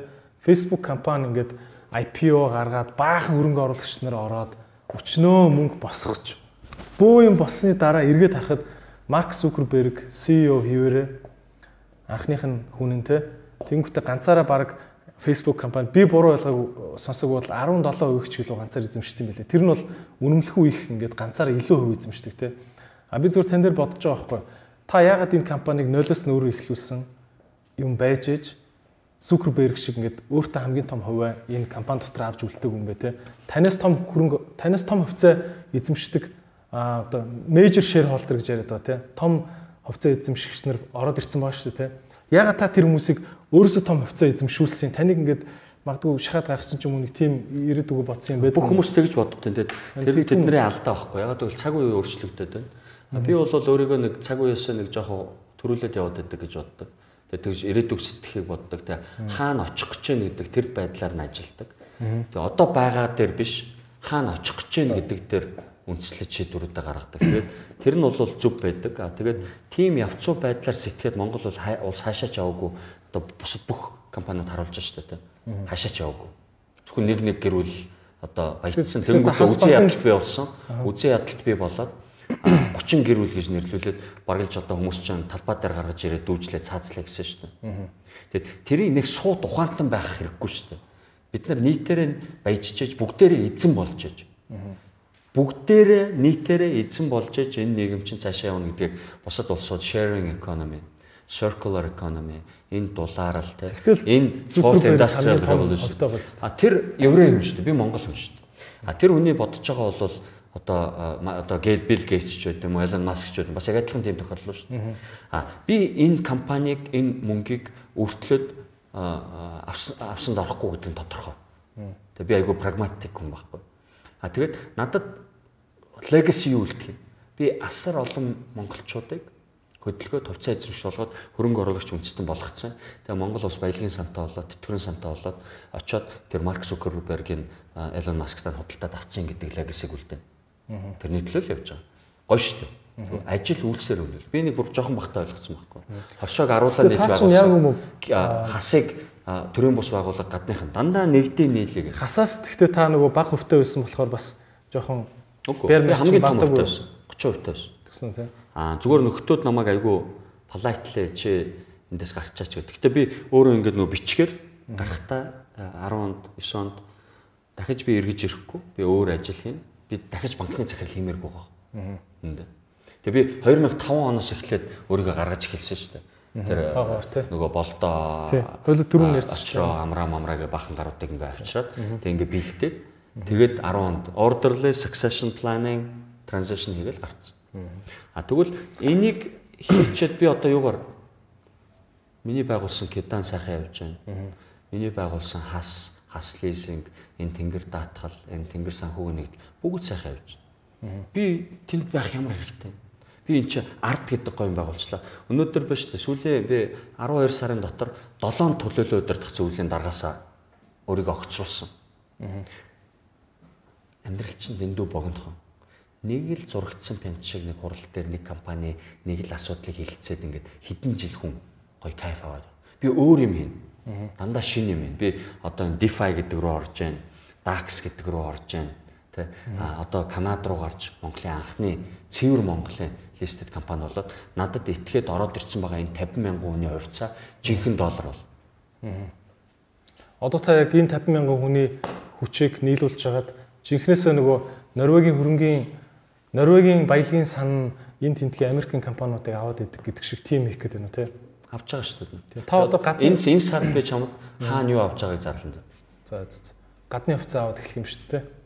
А бид нар уже аваад эхэлсэн шүү дээ. Үндсний хувьчлалын сан дээр аваад эхэлсэн байгаа. Art life дээр аваад эхэлсэн байгаа. Хувьчлалын сан дээр- би томоор контролыг аваад Монгол залуучуудыг захирлаар нь авч таа. Яг нөгөө 2008 онд 10 онд Киргиз Хятадд хийжсэн туршилтуудаа өнөөдөр би хийн. А урагчд бол тэрийг таслан зогсоосон. Гэхдээ цаг үеэсээ би чамд хэлж штэ жоо төрүүлээд яваад байдаг байд. Тэгэхээр би нэг 10 20 жилийн өмнө ингээд хийчээд буруутаад байдаг байж магадгүй. А тэгвэл би өнөөдөр цаг нь болчихж монголчууд намайг дэмжин, засаг намайг дэмжин. Одоо би хамгийн гоё компаниудыг худалдаж авчираад Монгол эзэдтэй бол. А энэ бол Pax Mongolica буюу монголчуудын 800 жилийн түүхэнд хоёр дахь давлгаа нь болоод монголчууд энэ удаа эдийн засгийн байлдан дагуултыг хийхээр дайлаар мордлоо гэд 2 жилийн өмнө би ийм байлдааны харт туг гэдэг ингээд хөрөнгө оруулалт хийсэн дээр чон тугтай чон ийм э, дүрстэй харт туг зогоо хийсэн шүү дээ тэр тайзан дээр. Цахимаар зоосон. Мангар том юм дал туг байлдааны харт туг. Тэгээ бид нар байлдаанд алюушаа мортсон байхгүй. Та одоо тэгвэл яг л одоо гадны компаниудын одоо энэ Норвегийн баялагын сан гэж ярьдаг үстэй дандаа тэр нь тэрний Манай уучрал хийх одоо удахгүй би сайхан эмчлүүлчихэд түрээд байна. А тэгээд хувийн тэтгэврийн сан, а тэгээд улсын тэтгэврийн сангийн шинжилэл хийгдэн реформ. Тэгэхэд бид нар дэлхийн топ 10-т багтах хөрөнгө оруулалтын сан болно. А тэгээд бид нар Норвег Норвегийн ханху миний найз. Би ингээд нөхрийг одоо энэ 100 а, одоо төрийн удирдлагууд ингээ ураад авчирна. Норвегитой бид нар найз. Тэд нар викингүүд бид нар морьтон. Тэгээ э, тэдний туршлагаас судалж хагаад цөмөрөө тэдний туршлагаас илүүгээр Сингапурын Temasek гэдэг нар бол цаашаа илүү гоё хөрөнгө оруулалт гэдэг юм бодлоготойгоор. Энэ оюутлогоо тэр Rio Tinto эдгээр марах хэрэггүй шүү дээ. Гэрээг нь өөрчлөгч хэрэггүй. Тийм нэг онгой байдаг шүү дээ. Би түрүү нэг онгой ярьж байсан. Ингээд нэг Орос профессор очоод Якутад нэг юм Сибирт очоод алд цагаан бавгааны ханд явдаг. Тэгээ нэг чукчаа нөхөр дагуулад явдаг. Тэгээд нэг бавгаа олоод нөхөр ширээчээд хатгачаад цутчдаг байхгүй чукчаа. Тэгээ нөө профессор нь дагаж гүйжсэн нэг километр гүйснэ. Хөш би чинь ан хийх гэж ирсэн болохоос цутгаж ирээгүй шүү дээ. Гүнтэй эргэж харангуудаа панка буудаа нэг бавгаага алчдаг байхгүй. Тэр чи одоо хагас тооны мангар амтан байгаа шүү. Тэгсэн чинь нөө чукчаа буцаж амсгаад гүйж ирэнгүүт. Аа чукч. Не дурак. Профессор дурак гэсэн яасан гэсэн. Наатах чинь цөмөрөө танаа тэр буудлын чи өмнө авчиж байгаа бодоо унгаач юм. Чи одоо өөрөө наатах чирээ явах гэдэг. Оюутлахаагүй шүү дээ. Буудаж унгаах нь тодорхой. Эхлээд энэ хоёрдугаар шатын бүтэн байгаа бүтээн байгуулалтыг хийлгэж дуусгачихад бүх юмаа сурж авч жинтан болгочоод бид нар а, хувиа нэмэгдүүлэх үү, роялтигаа нэмэгдүүлэх үү, яах вэ гэж ярих хэрэгтэй байхгүй. Тийм чугчаагаас долоондор сэтгэж болохгүй шүү дээ монголчуудаа. Энэ нэг псевдо эх орончид очиод нэг цээжээ дэлтэл үлсгэлэн зарлал өөрийгөө шатаана гэж сүрдүүлж байгаа л энэ Монгол улсын хөгжлийг хойшин хэдий болтол ийм утаатай төгжрэлтэй ийм навшин бардагч энэ байшингуудыг хараа ямар ч гудамжгүй ингээд балаа балаа ингээ хашаа хийцэн ямар ч хүн амьдрах боломжгүй аюулгүй байдал хангалтаагүй өдөр болгон бид нар энэ угаартаж өгч чинь хорт хавдраар өгч чинь хүүхдүүд маань зүгээр л эмчилгээ тусламж авч чадахгүй өгч чинь цэцэрлэг онгохгүй байгаа учраас хүүхдүүдэд чойжлоод гэртээ шатааж алж гин бид нар. Энэ төгжрөл биш үү те хамаг бензинээ гаднаас доллараар оруулж ирдэг бензинээ шатааж дуусгах чинь энэ Японы машины булш боллоо Монгол улс. Хизээ болтол бид нар ингэж амьдрах юм. Тэгэхээр нөгөө өөрийнхөө хувь тавилангийн эзэн сүд сүнснийхээ ахмад нь болёо гэдэг нөгөө Invictus гэж шүлэг яриад байдаг шүү дээ. Энийг хийх хэрэгтэй. А явцын дунд бол янз бүрийн хойш нь чангааж байгаа урагчдыг ёстой хараа нөгөө байх газар руу ингээд дэвшлээд дэвшлээд явах хэрэгтэй. Миний дэмжсэн, тэтгсэн нөхдүүд хурж ирээд яг сайхан юм болоод ирэнгүүт хойноос үрж удах шахыг бол би харж чадахгүй. Би хангалттай араасаа ингээд нөгөө сэлэмдүүлсэн болохоор одоо бол тийм урвж байгаа нөхдүүдийг тэр нь одоо хэн байна уу хамаагүй. Би яг бүр ингээд энэ талбай дээр гаргаж ирж байгаа чир заамж гаргаж ирж байгаа нүүрлүүд нулимаа дээрс нь твслэн. Тэгээ тийм л. За нилээ хатуу хэл яриатай. Өөрөө шулуун байж. Тийм үү тийм үү. Амар ширүүн байж. Та Та асуултанд яг надад бол нөгөө налчигнаад ах одоо цаг байхгүй гэж бодож байгаа. Манай би одоо нөгөө гэр бүл дотроо шүү дээ тий. Хамгийн урт насалчаад байгаа байхгүй. Манай өвөө над шиг байхад нас орсон. Манай аав 40 доо нас орсон. А манай тэгэхээр би нөгөө өөрийгөө нөгөө азтай байна гэж хараад байгаа. А тэгээ би хин нэгэнд ямар нэгэн байдлаар илүү цаг гарах боломж байхгүй. Би хийх ёстой юмнуудаа хийгээл явах ёстой. Тэгээд би өөрөө нөгөө прагматик хүн. Боддоор юм харж байгаа. Тэгэд энэ ертөнцид энэ хорвоод байгаа энэ шоос тоос бужигнуулж байгаа энэ хугацаага тийм навшин урагч зарцуулах байна. Жижиг хэрүүл хийхгүй л гэж байгаа юм шүү те. Аа. За хоёрын ерөнхийдөө цаг жоохон явсан маа мэн те. Өө миний нөгөө дараагийн лайв эхлэх гэж байгаа юм шүү. Хаваас нөгөө гадас гэдэг хөтөлбөр эхлүүлээд 20 хүнд эхний цоошин зүртэлтэй Маш олон асуултууд байсан Маш олон алтуудсууд байсан. Би ганц хоёрын түүж яхаас асуух хэвээр. Хоёул 3 цаг ярьсан. Харин тийм шүү дээ. Мангар удаа ярьсан байна. За муухай яриа юм аа. Харин тийм байна. Би түүхээс за та энэ хэрэглэгчийн мэдээллийн одоо за яг та ингэж хүнд ууралж болно тийм мэдээж яг санал зөрөлдөөд таны хийж байгаа юмны утга учир мөн чанарыг ойлгохгүй хүмүүс бас ийм дайсгансан юм шиг юм яриад тэр нь ингээд тохиролтоо танд тусаад тий надад тохиролтоо ш За окей юм байж гэмт хэрэгтэл хөтлөхгүй. Тий. За гэмт за тэгсэн байж болно. За тэгтээ бас нөгөө юу гэж юм байгаа штэ. А яаж ч байсан гэсэн мэдээч нэг таны компани муу ч хүн байлаа гэсэн, сайн ч хүн байлаа гэсэн таны компани хувьцаанаас ингээд аваад гүйлгээ хийцэн бол та тэр хүний хувийн нууцыг бол маш чандлан хадгалах ёстой гэж би ойлгоод байгаа штэ. А тэгтээ зарим зүгээр нэг юм Facebook дээр харж ах нэ одоо өгдөг чи энэ ингээд манай хувьцаанаас авсан ийм хүн байгаа гэж жагаад нэг зарим хүн рүү хандсан юм шиг тийм постууд анзаардаг байхгүй. Тэр тэр алдаа гараад тэр өөрөө танан манай хувьцааг авангуудаа би 1500-аар авангуудаа 3200-аар 2 сарын ихэнд зарцсан хаа гэсэн юм байна. Тэгэл би тэрийг л тэгсэн. А танд яг юу одоо хэрэгл та бол хэрэглэгчийн мэдээллийг ямар ч үед ингээд дархан байлгаж чадах уу тэр баталгааг яаж өгөх юм бэ гэдэг асуулт байна. Би бол ер нь бол нээлттэй байна. Манай хувьцаа эзэмшигчд болж байгаа бол мэдээлэл чинь бол нээлттэй нөгөө татхаа дээр байж байгаа. А та манай 15 хувьцаа эзэмшигчдийн мэдээлэл бол нээлттэй жил болгон хэвлэгддэг. Тий. А тэгээд блокчейн дээр арткоин эзэмшиж байгаа бол тэр мэдээлэл чинь бас нээлттэй байна. А тэгээд хэрвээ ашиг хийсэн бол татвараа төлөх ёстой. Тийм би тэрийг нэг айхтар нууцлаад байхгүй. Яг ямар мэдээллийг та нууцлалтай? Одоо жишээ нь танах хувьцаанаас нэг хүн авцсан бол хуулиараа та ямар хөрөнгөний бирж дээр авч байгаа юм шүү. Би бол тэрийг зарлаад байхгүй шүү дээ. А зүгээр хүн өөрөө хуржээд би эдний хувьцааг авцаан зарцсангүй би тэгээд деталь нь хэлчихэж шин. А тэгээд танаа чи татвараа төлсөн үү? Татварын байцаагч одоо явууллаа шүү гэж хэлж шин. Тэгэл э, юу а тэр хүн өөрөө зарлал. Яг тэгэхээр би бол 100% татвараа төлдөг байхгүй. Ашиг гэвэл. А тэгээд юун дээр манад одоо сая 700 мянган хүн байна гэхэлэр тэр хүмүүсийн мэдээллийг бид нар зүгээр ингээд алдна гэдэг ойлголт бол байхгүй. А ил тодор ингээ бүр ингээд бүгдийг жагсааж байгаа зарлана гэдэг ойлголт бол баахгүй. Нөгөө GPRS энэ дээр одоо хууль дүрм нь ямар үдээ? Одоо жишээ манад бол яг хувийн нууцын мэдээлэл мэдээллийн нууцлалын хууль байгаа шүү дээ. А банкны нууцлалын хууль гэж бол баахгүй. А тэгэхээр шүүхээс цагдаагаас бичигтэй орж ирээд тэр үний мэдээллийг өгвөл бид нэр өгнө. А гэхдээ та энэ ч гүйлгээнд ингээ хийж байгаа бол энэ бүх гүйлгээ чинь нөгөө фатфын зохицуулалтын дагуу бид нар нөгөө том том гүйлгээнүүдийг төв банкнд мэдээлэх үүрэгтэй. Том одоо манай системээр орж байгаа гүйлгээг.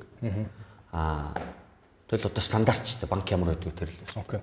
За сүүлийн хэд асуултыг асуучих. А сая нэг Dogecoin гэдэг нэг юм болно шүү дээ. Dogecoin ч юм. Би Dogecoin гэж уншаад. Dogecoin гэдэг энийг Elon Musk гэдэг хүн миний бодлоор нэг юм бас нэг юм coin гаргаж ирэнгүүтээ за за худлаа худлаа тоглосон энэ coin-оор яахчгүй шүү гингүүт баахан хүн мөнгө оруулангуудаа бүгд зараад ингээд нэг график нь ингэж өсөнгөтэй пүнк алга би зэрэг мэдэхгүй. Тэн тэр бол буруу гэж бодож байгаа. Elon Musk-ыг энэ юу болчихоо? Тэр буруу л ажилдаг гэж бод. Тэг энийг одоо танахтай ингээд харьцуулж марцуулж ярих гад байвал та одоо юу гэж хариулах вэ? Жишээ. Тэр чин танахтай харьцуулж болохоор зүйл. Ардап сая 700 хэрэглэгчтэй. Тэгээд Artcoin-ыг бол яг одоо 500 мянган хүн хэрэглэж байгаа. Хадгалсан байгаа. Аа тэгээд экосистем дотор нь биднэрт Монгол шуудан байна, ард даатгал байна, ард кредит байна. Монголын яг салбартаа тэргүүлж байгаа эсвэл монопол тэм компаниуд байгаа. Тэгэхээр харьцуулшгүй. Харьцуул аль ч криптовалютаа харьцуулж болохгүй. 3500 одоо криптовалют гэж байгаа бол хамгийн дөхүүлж харьцуулж болох нь BNB буюу Binance Coin байгаа. Өөр юм баг. Окей. За одоо та тэгвэл ингэж штэ. Миний Artcoin-ыг Bitcoin-ыг ч харьцуулж болохгүй. Яг л Bitcoin-ийг цаана ч хоосон байхгүй. Хоосон тийм. А манайх ч бол энэ ч нөгөө Монголын чи түр хэлээдсэн штэ. Айгу гайгүй компани зөвлөрсөн юм. За та тэгвэл ингэж штэ. Манай Artcoin-ыг Binance-тай харьцуулбал харьцуулаарай гэж штэ. Тэгвэл а түрүү ялаа штэ. Та GameStop-той манайхыг харьцуулсан тийм байж өстой яагаад ч болохгүй гэдээ ярьжсэн.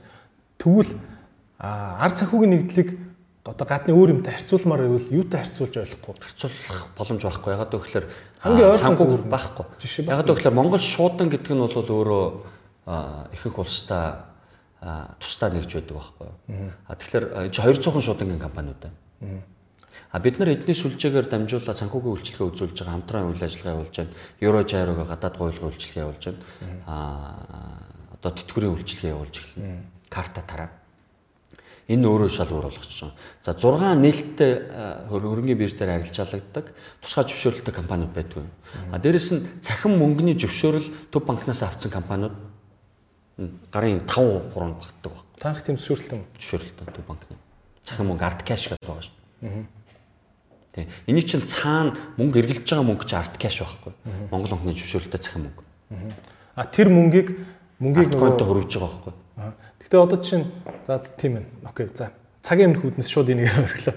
Аа юу штэ би гэрийн даалгавар хийсэн хэдрэ. Окей. Of course та таны яг өдөр болгон хийдэг юм би асууж байгаа тий. За аа танаа зүгээр яг ганц хоёр том хөрөн юу хувьцаа эзэмшигчдийн талаас та талаар та юу мэдээлэл өгч одоо жишээ нь хишиг дорж бат хишиг гэдэг хүн байна. Танаас нөгөө хишиг ариун гэдэг нөгөө Монголын хамгийн том нүүрсний оператор шүү дээ. Уурхай оператор. Аа за. Тийм. Тэр хүн Монгол шуудангийн 10% бид нартай 2016 онд солисон. Тэгээд хамгийн том болсон. Аа за. Энэ хүнтэй та одоо ямар нэг юу байгаа юу одоо? Найзууд, найзууд байхгүй. Аа. Манай тууц дээр тулах гэхэд философи, милсоф хэр нийлэх үү? Гэхдээ зүгээр л бид нар бие нэгэ хүндэлдэг, зайнаас ажигладаг өөр бизнес байхгүй. Аа Тэр шуудан дээр орцсон байсан. Тэгээ шуудан манайх олонхыг авчихлаар маань ирчүүл манай хувьцаагаар сольсон. Тэгээ тийм. Аа. Окей. А бид нар кэш өгсөн. Тэгээд юу бас өгсөн. Хувьцаа өгсөн. Өгсөн юм тийм. Шуудан авахын тулд шуудангийн 31 бизнесийг харьцаа юм тийм. Цэвэр. Тийм. Аа. Ер нь бол А Бруно хингээд хүмүүс Бруно Рашле гэдэг Швейцарын сайтын хүн байгаа. Тэгээд өөрөө Advec гэдэг нөгөө private equity fundтай байж байгаа. Тэрийг Английн Schroders зараад Schroders Advec гэдэг нэртэй болсон байгаа тэр компанид. А манер тэгээд одоо өөрөө нэг тэр компани зарсан мөнгөөр энэ тэнд ингээ хөрөнгө оруулалт хийгээд явж байгаа. Тийм өвгөн байгаа. Тэтгэвртэй гарцсан гэсэн. Гэтэ сайтуу. Тийм тэр нь нэг 8 9% таах аа хишиг 11 9% таах. Тийм. Окей. За хоёлоо ялчгүй нөгөө цагандаа авчигдаад би уг нөгөө а подкаста нэг одоо ингээд цаг магийг нэвтрүүлэхэ болоод яг го 2 цагт нь барьдаг болгоё. Энэ дугаараас л эхлэн энэ төр гэж манай редакц ярьж орж ирсэн бохоггүй.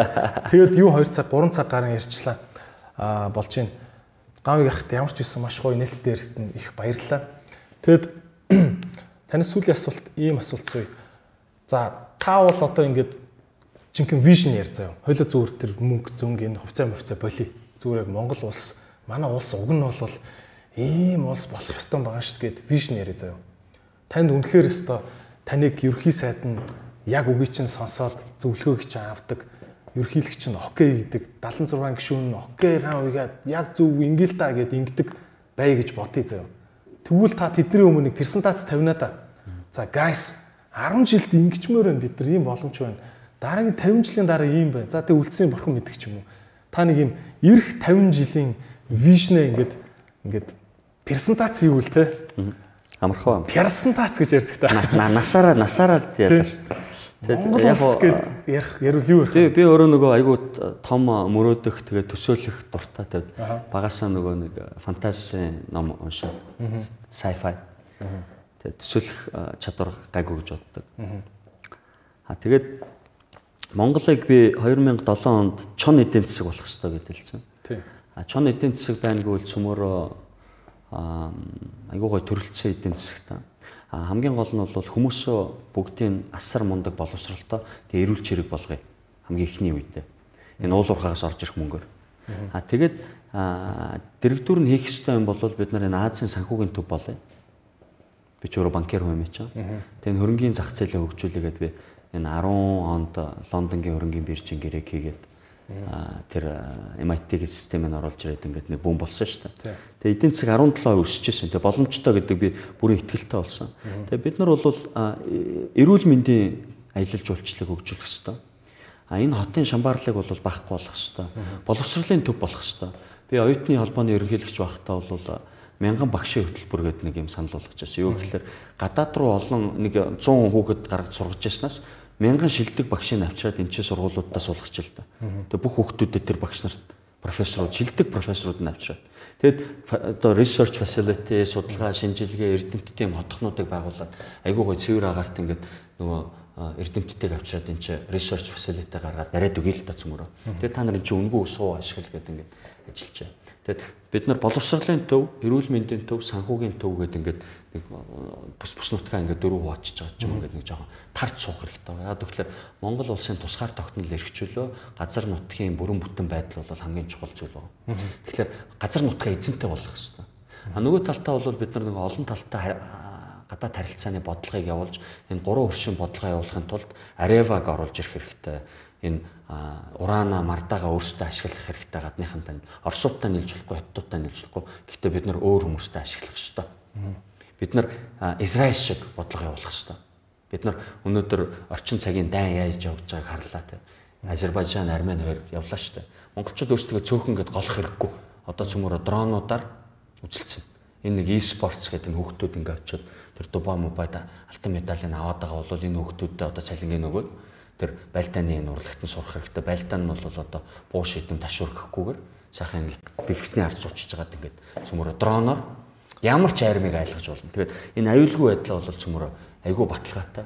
Тэр олон араб улсууд, муслим улсуудын дунд Израиль жархан жилийн дотор ингээд байгуулагдаад өөрийгөө хамгаалаад газар доор нэг ганц хоёр цөмийн зэвсэгтэй ч юм шиг үгүй ч юм шиг ингээд гүлтэйгээ суугаад тахлаар хүмүүс айгаад байна шүү дээ.